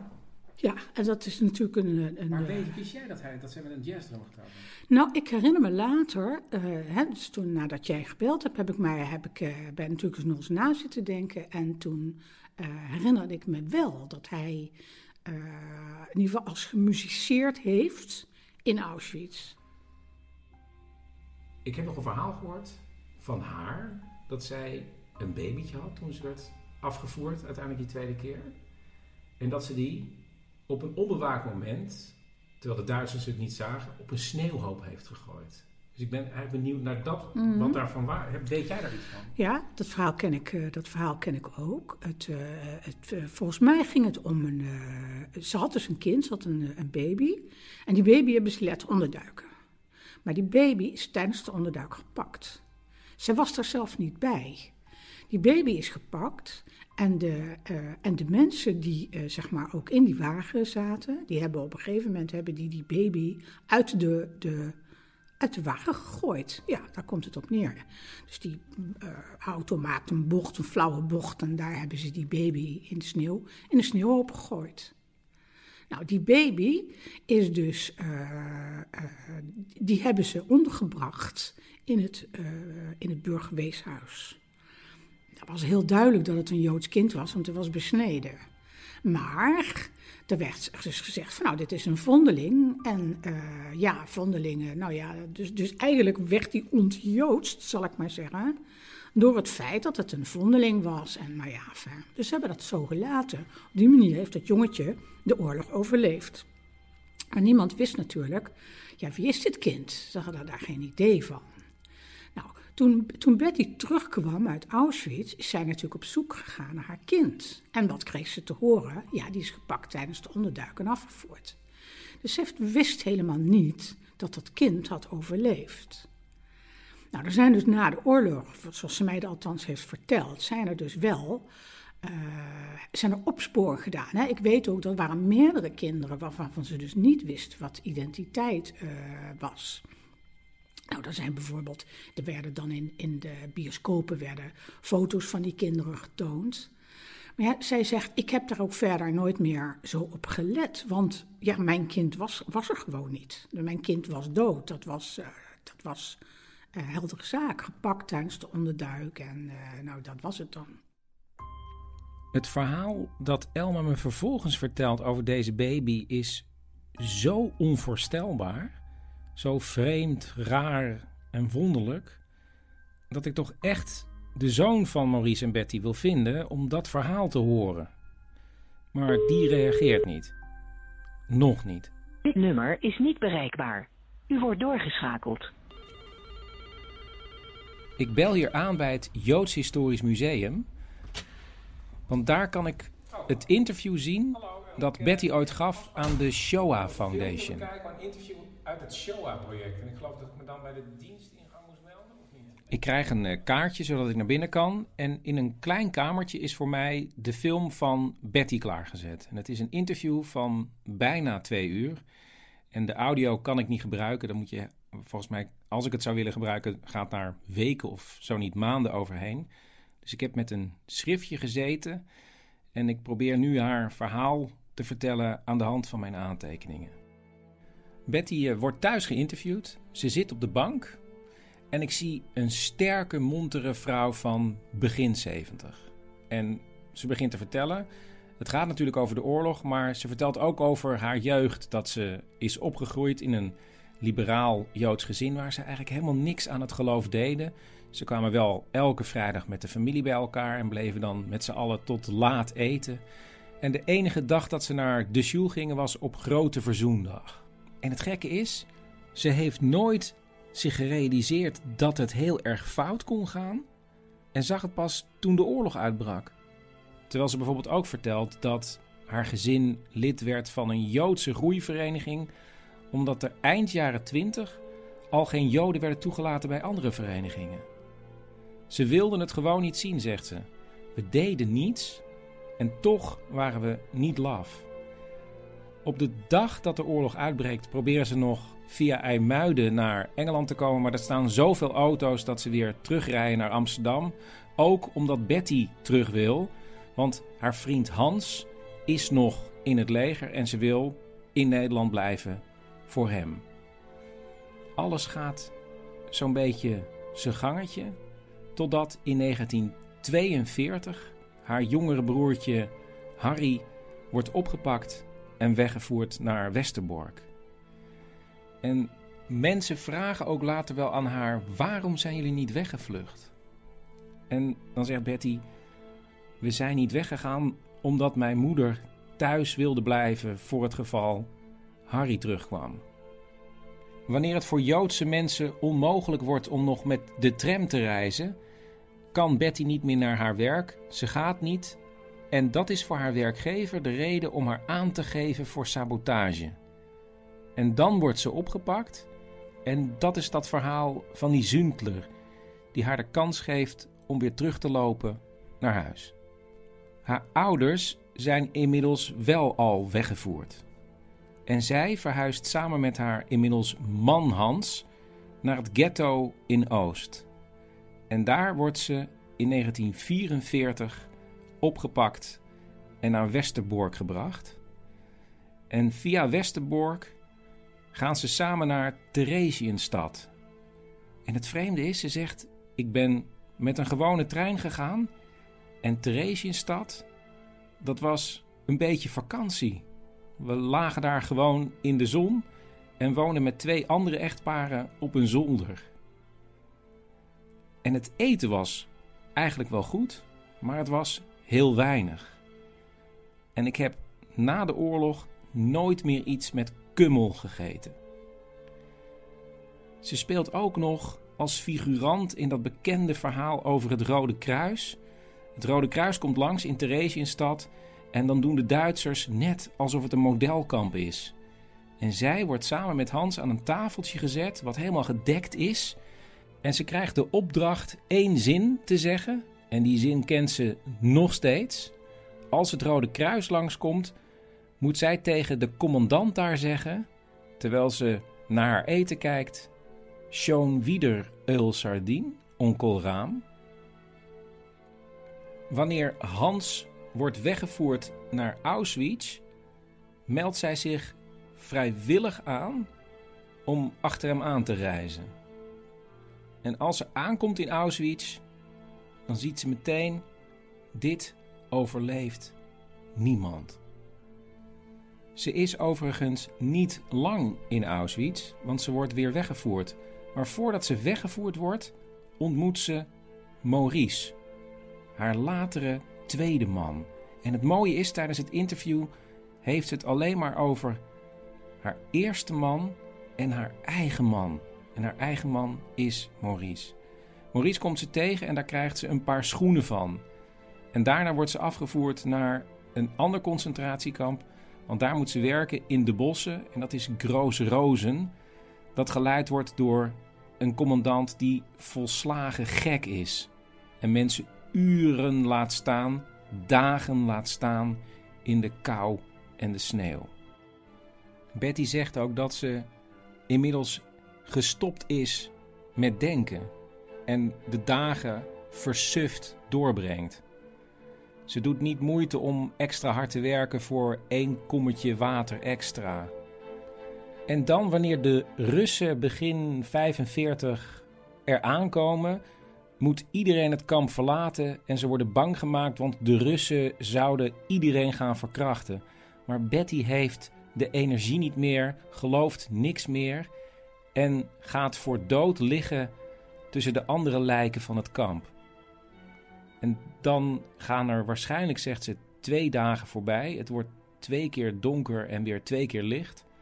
En dan wordt ze gered door de Russen. En ze wordt onder de hoede genomen door een Joods-Russische commandant, Safran. Die helpt haar. Ze sterkt wat aan. En dan gaat ze via de Engelsen, die haar heel slecht behandelen, terug naar Nederland. En dan zit ze ook voor het eerst, zegt ze, in een beestenwagen. En ook in Nederland is de ontvangst heel slecht. Ze willen haar doorsturen naar Vught. Dat pikt ze niet. En dan wordt ze door militairen naar Amsterdam gereden en aan de rand van Amsterdam uit de auto gezet. Ze wordt opgevangen door haar oude werkster en ze vindt ook wat spullen terug en krijgt weer een woning. En tussen de spullen staat het drumstel van haar man Hans, die niet meer terugkeerde uit Auschwitz. En op een dag staat Maurice voor de deur.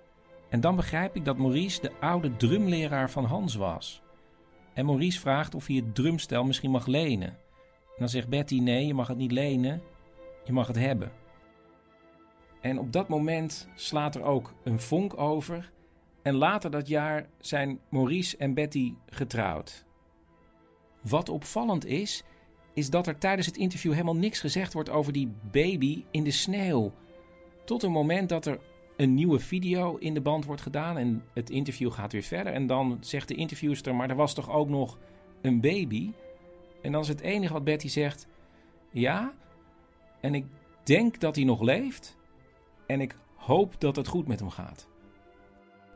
Aan het eind van het interview zegt Betty dat ze alle ervaringen uit de oorlog heeft weggedouwd, omdat ze niet wilde dat de moffen alsnog de kans hadden haar eronder te krijgen. Ik ben, zegt ze, niet voor niets teruggekomen. En haar familie is alles voor haar. En dan met name de kleinkinderen. Ze zegt: Ik lig normaal nachtenlang wakker, maar als de kleinkinderen bij me logeren, dan slaap ik goed.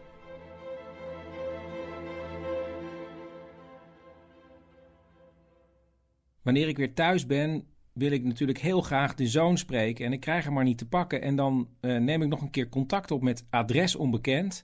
En wat blijkt dan? Ze hebben me een net verkeerd telefoonnummer gegeven. Er was ergens een nummer omgedraaid. En nu heb ik dus wel Jack te pakken. U spreekt met de voicemail. Althans, zijn voicemail.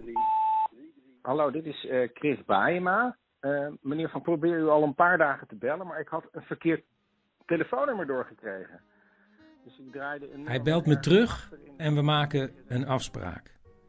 Maar ik ga eerst naar Marijtje, want daar is het immers allemaal begonnen, om haar te vertellen wat ik allemaal heb uitgevonden. Ik denk dat het verhaal zoals het in het echt is, zoals het gegaan is, dat heeft zij mij nooit kunnen vertellen in die winkel. Ze heeft me natuurlijk nooit aan een telefoon eh, dit verhaal kunnen eh, uit de doeken doen. En dan als clue, ja, kan ik een cd van mijn man krijgen. Natuurlijk heeft ze een soort samenvatting gegeven, namelijk... Goh, er, blijft een, er blijkt een Maurice van Kleefstraat te bestaan. Weet jij eigenlijk of er muziek van hem is? Die huishoudster zei, op een gegeven moment zei hij tegen haar van ja, ik was vroeger gewoon, ik heb heel veel gedrumd. Toen heeft hij een plaat opgezet met waar hij op speelde. Ach, ja, want het was wel zo dat ik al een titel kreeg van haar. In Holland, die wou ze hebben. Het was iets met In Holland. Ze was Kennelijk- de LP gewoon kwijt. Dat is het. Ze was die LP kwijt, dus ze dacht, hoe moet ik dit nou uitleggen? Dat ik die LP wil.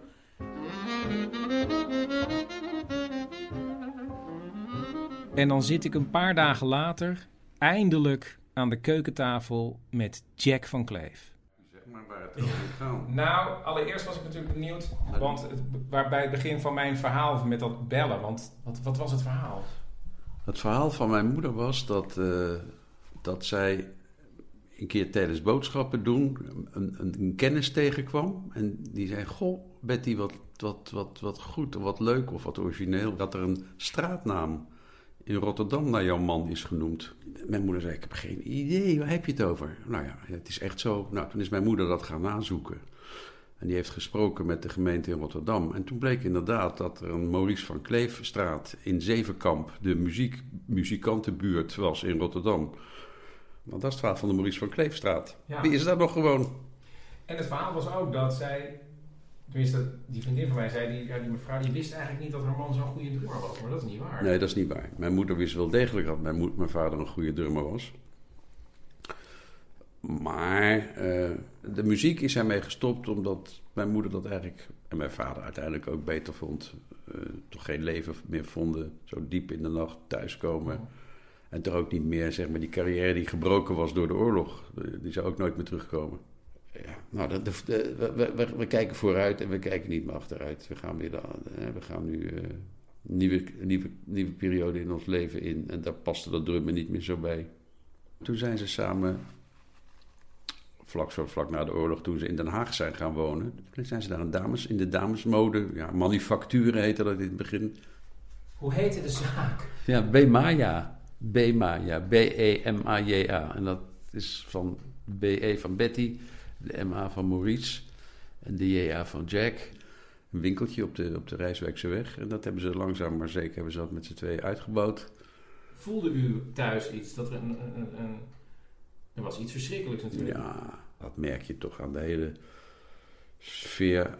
En niet dat mijn ouders me daar hebben mee lastiggevallen of, of zo, maar ik had daar toch wel, laat ik zeggen, dat draag je mee vanaf het begin, die littekens toch. Ja, het ging over hoe, de Duitsers waren geweest, bepaalde verhalen.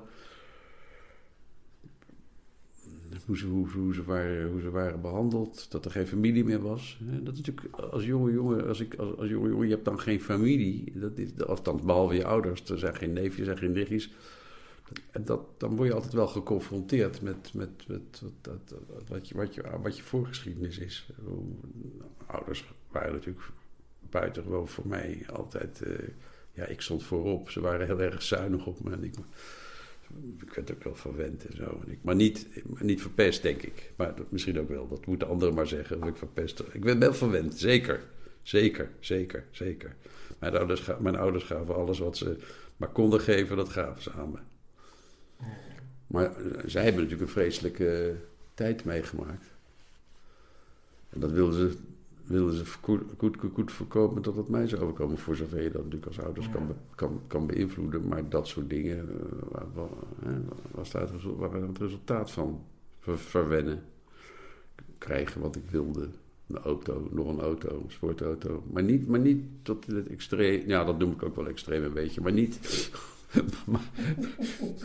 vind de sportauto wel extreem voor. Vind ik ook wel, ja. Dat is ook wel, is ook wel zo. Maar het is niet zo dat ik het gevoel heb dat ik dacht, nou weet je wat, het komt wel. Ik heb altijd wel, mijn ouders vonden wel dat ik toch wel daar iets tegenover moest stellen. Ik moest wel studeren, ik moest wel resultaat behalen.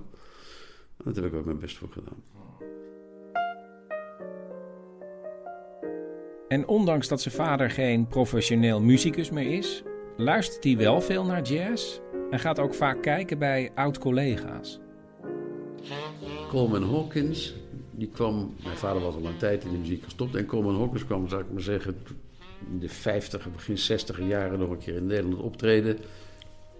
En ik weet nog wat mijn vader zei. Hij kwam hem in de, in de pauze, of, is die, of na afloop, eh, naar hem toegegaan.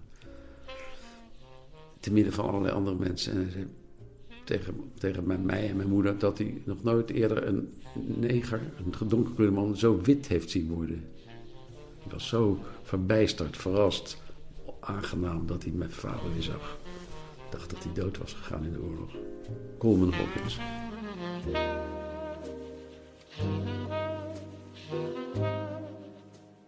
Hoewel Betty en Maurice, zoals Betty zei, de oorlog zoveel mogelijk proberen weg te douwen, worden ze er nog vaak mee geconfronteerd. Mijn ouders hadden ondertussen een damesmodewinkel op de Rijswijkse weg. En het was een mooie zomerse dag, laat ik zeggen, ik, laat ik zeggen begin 50 of eh, begin 50 jaren. Toen kwam er ineens een man binnen van de Belastingdienst. Mijn vader en mijn moeder die stonden, en mijn vader was achter bezig en daar kwam een man binnen en die kwam eens vragen hoe dat nou was geweest in de oorlog. Want de Belastingdienst die wilde wel eens kijken. oh, Dan had die man gezegd: Ja, maar meneer, u zal toch in de oorlog wel iets verdiend hebben? In die kampen. Die, mijn vader dacht: Ik ga die man vermoorden.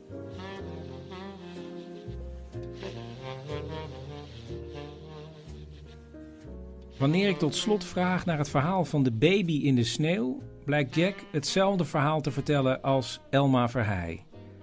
Zijn moeder had een kind gekregen, maar omdat het te gevaarlijk was, afgestaan voor de onderduik. En als het bij een razzia wordt opgepakt en samen met andere onderduikers wordt afgevoerd, gooien die het kind op een onbewaakt moment uit een vrachtwagen in een hoop sneeuw.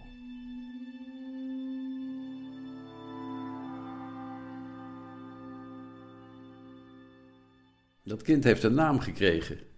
Tony van de Weteringen, zo heette die.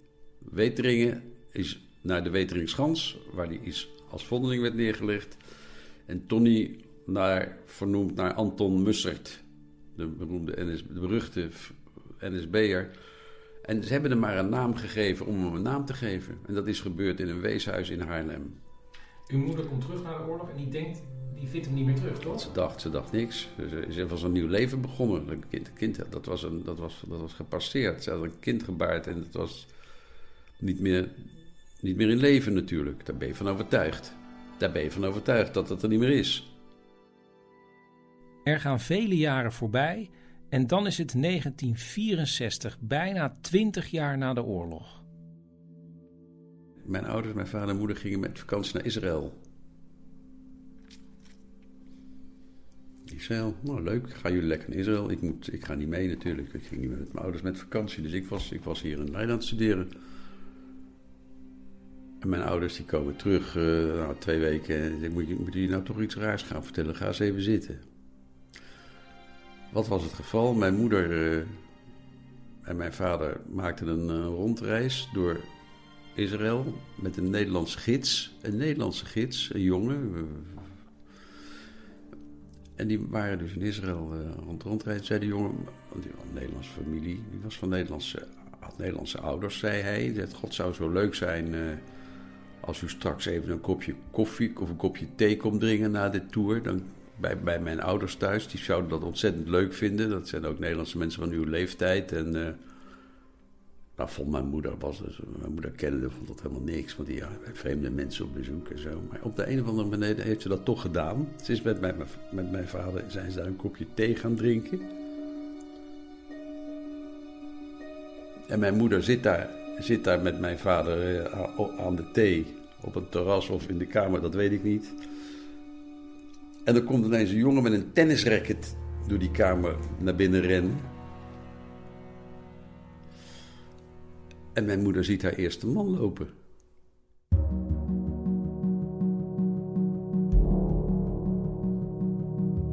Die dacht ineens: Waarom heb jij mij niet verteld dat je nog in leven was?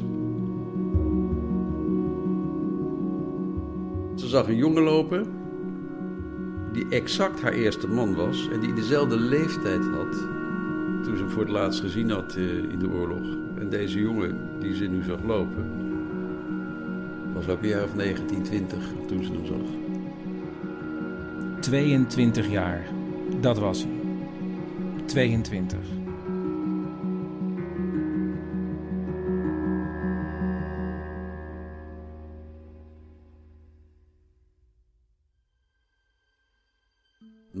Dacht onmiddellijk, die is onmiddellijk gaan vragen, zijn dat je kinderen? Toen bleek al gauw dat het aangenomen kinderen waren.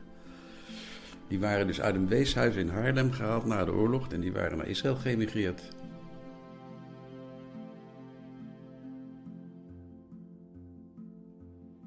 Tijdens dat bezoek aan Israël is er, is er bloedonderzoek gedaan. Genetisch onderzoek. Weet ik zeker. Want toen mijn ouders thuis kwamen, toen wisten ze al min of meer aan de zekerheid grenzen de waarschijnlijkheid dat, uh, dat het haar zoon was. En het is ook echt haar zoon. En dan ontstaat er een rare situatie. Want die jongen komt mee naar Nederland en er is een soort feeststemming. Hij wordt overal mee naartoe genomen en het lijkt bijna te mooi om waar te zijn. Een jongen die ze nooit gekend hebben en er opeens na 22 jaar is. En dan, na een tijdje, zegt die jongen dat hij ja, uit zijn roes ontwaakt en zich realiseert dat hij maar één echte moeder heeft en dat is zijn pleegmoeder. En dat niet Nederland zijn thuis is, maar Israël. En dan verbreekt hij al het contact. Dus dat is toch anders gegaan dan ze had gehoopt en hij misschien had gehoopt. En wat ik begrepen heb, wat ik begrepen heb, en dan maak ik een hele grote sprong. Mijn moeder is overleden eind 2013, eh, in december 2013, oudjaarsdag, nog niet zo lang geleden. Schijnt dat de jongen drie dagen, die Tony drie dagen na mijn moeder ook is overleden. Hoorde ik later weer van iemand. Dus het zijn wonderlijke dingen.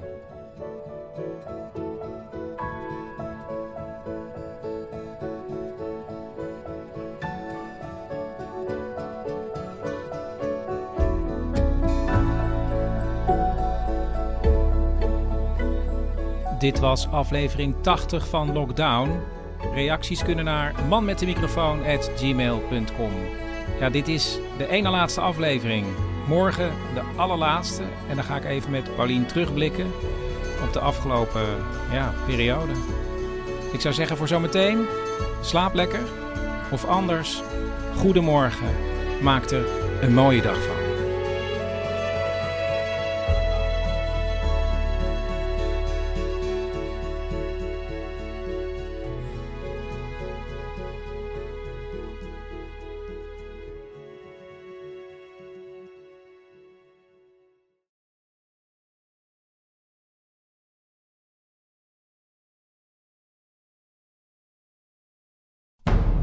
Man met de microfoon presenteert Lockdown, een programma waarin we samen toewerken naar 1 juni. En dit is aflevering 81.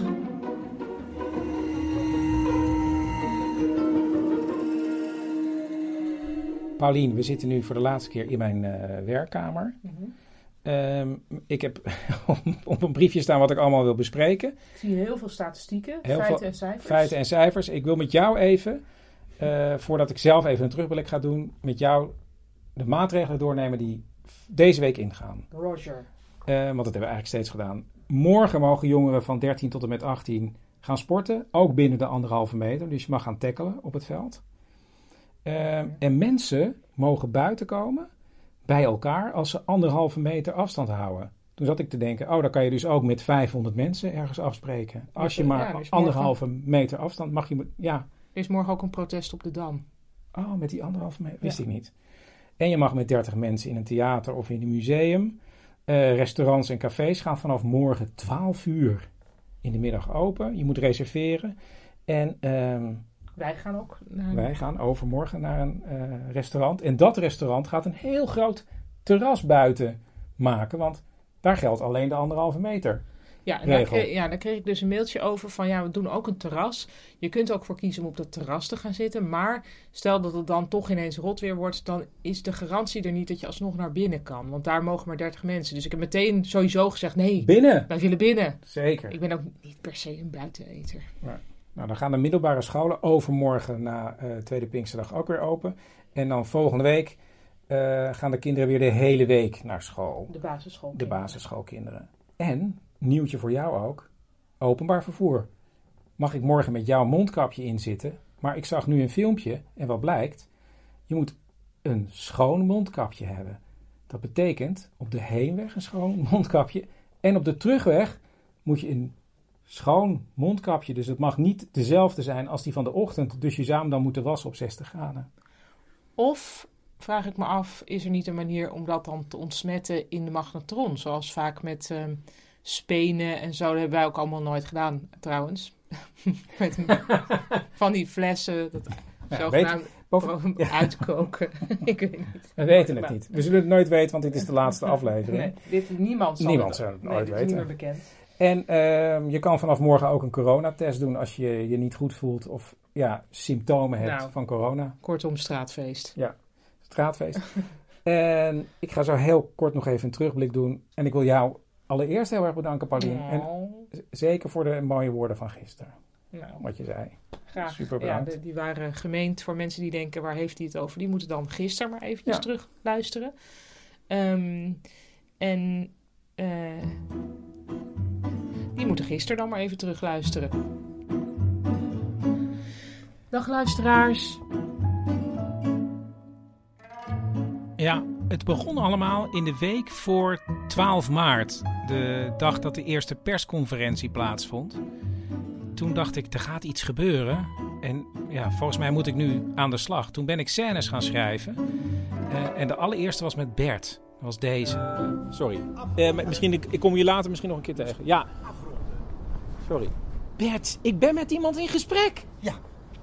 Wil je één woord horen? Nou? Totaal onverantwoord. Dat zijn twee woorden. Ja, wat jij hier doet, totaal onverantwoord. Wat jij hier zegt. Sta je er wel bij stil? In de tijdsgevricht. Tijdsgevricht? Wat, is, wat, wat bedoel je nou weer? Corona, Chris. Ik doe helemaal niks wat niet mag hoor. Ik sta, ik En in aflevering 2 had ik een scène geschreven met mijn moeder. Ben jij al aan het hamsteren? Maar dat was actrice Cecile Heuyen. En dus besloot ik op dag 3 dat alles anders moest.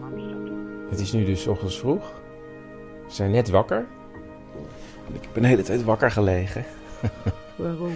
Omdat ik dacht dat, dat ik het iets anders moest aanpakken, de podcast. Oké. En voor dit gesprek zit al een gesprek wat ik heb geschreven eh, met Bert. Hmm. Het moet allemaal, eh zeg maar zeggen, minder fictief. Ja, en vanaf dat moment is eigenlijk de vorm ontstaan die tot en met het einde is doorgegaan. Ik vertelde verhalen over mijn eigen gezin. We hielden bij wat voor maatregelen er steeds werden genomen. Wiek en mijn moeder kregen een eigen rubriek. Je hoorde mijn zoons Joep en Teun struggelen met school.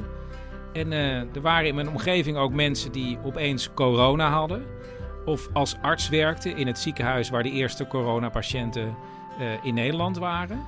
En eh, ik had ook een vriend, Hugo, die woont in Duitsland. En die werkt bij een eh, bedrijf dat mondkapjes is gaan maken. En het grappige was, ik had natuurlijk ook steeds contact met Hugo. En wacht, we gaan even een ander muziekje doen. Want het was op een gegeven moment heel spannend. Want Hugo is op een dag in de auto gestapt. En als een soort verslaggever ehm, heb ik contact met hem gehouden. Want hij ging die dag naar zijn moeder in Nederland. En hij zou de grens overgaan. En hij had nog wel contact gehad met de Rijkswacht. Maar wat je hoort is een primeur, dit. Nu ben ik bij Elten, dus dan ben ik volgens mij eh anderhalve kilometer van de grens. Super spannend. Ja, maar wacht af. En wat zei de Rijkswacht? Moest je, moest je bepaalde dingen nog meenemen? Zeiden ze van... Eh, nou, die adviseerden me inderdaad wel om, eh, om paspoort en misschien eh, eh, bewijs van inschrijving in Duitsland mee te nemen. Dit was 4 mei, hè? Afgelopen 4 Ik heb mei. voor de zekerheid wat gegevens van mijn moeder meegenomen. Maar ik denk, ik denk dat het wel goed komt. In België stonden betonnen blokken op de weg en kwam er niemand in. Ik dacht niet dat ze heel veel zullen zeggen. Oh nee. Hij is dus vlak bij de grens en dan valt zijn telefoon weg. En ik, ik moet erbij zijn als hij probeert de grens over te steken. Dus ik bel hem heel snel terug. Ja, en... Ja, ik hoor je weer. Ja, ik ben nog steeds in Duitsland. Gelukkig. Oh ja, gelukkig. Maar het gaat ik heb een beetje het gevoel alsof ik, alsof ik naar voormalig Oost-Duitsland onderweg ben. Zo. Dat Dat, is niemands land eigenlijk. Dat niveau dus, hè? Je ziet ook niemand. Tuurlijk niet. Nou, weinig. Precies. De volgende auto is eh 500, 400 meter verder. denk ik. En we zijn er live bij. Oh ja, maar het wordt een enorme saaie beleving, want er staat hier echt niemand. Ik kan wel doorrijden. Kan je gewoon doorrijden? Ik kan gewoon doorrijden, echt. Nou, dan weten we dat. Nou, geniet dan van je dag. Ja, dankjewel. En eh, doe heel veel liefs aan je moeder ook. Ja, dat zal ik doen.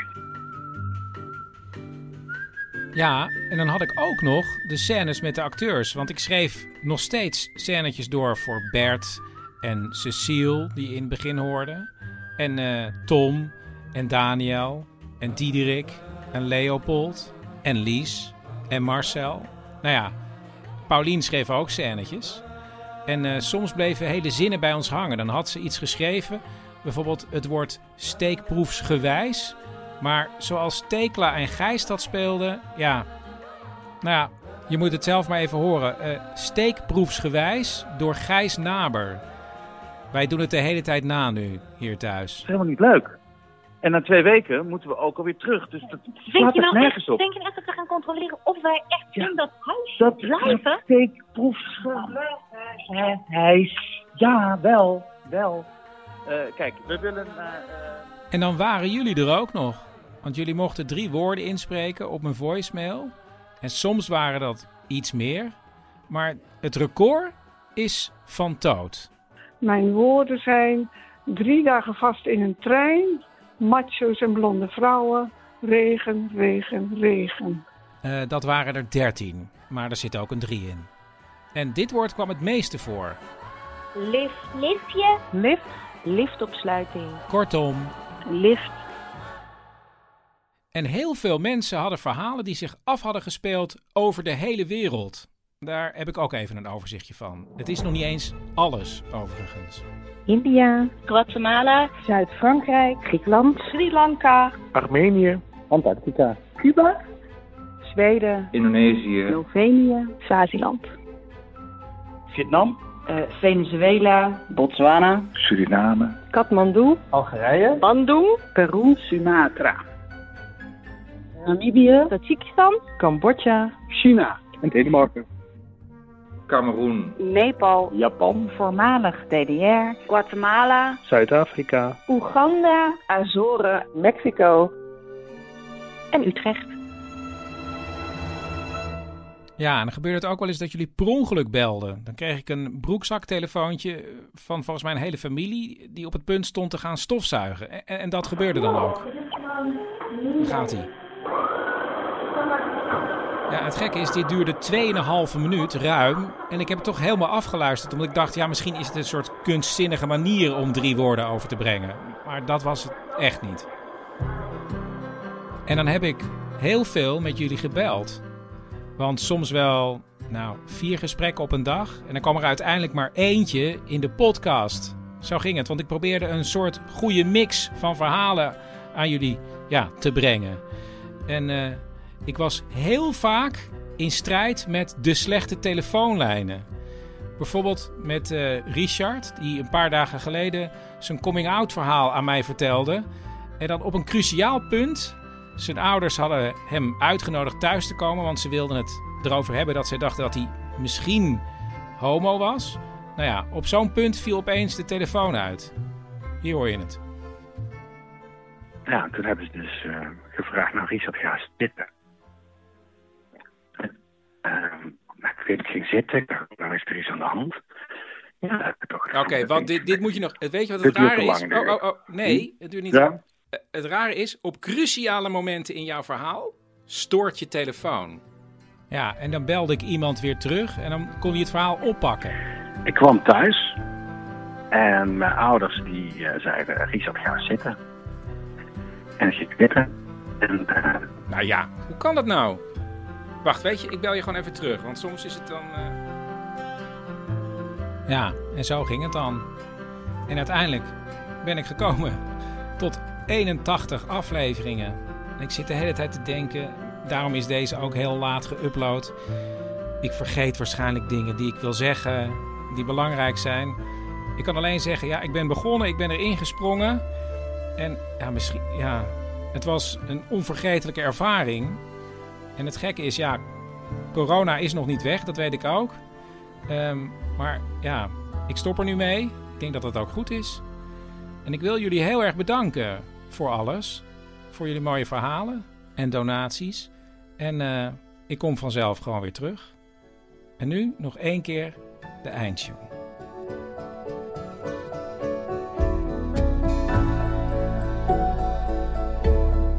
Dit was aflevering 81 van Lockdown. Je kan niet meer bellen naar 084 8371 282 met drie woorden. Maar reacties zijn wel welkom. Man met de microfoon at gmail.com. Ehm, ja, dit was het. En dus voor de allerlaatste keer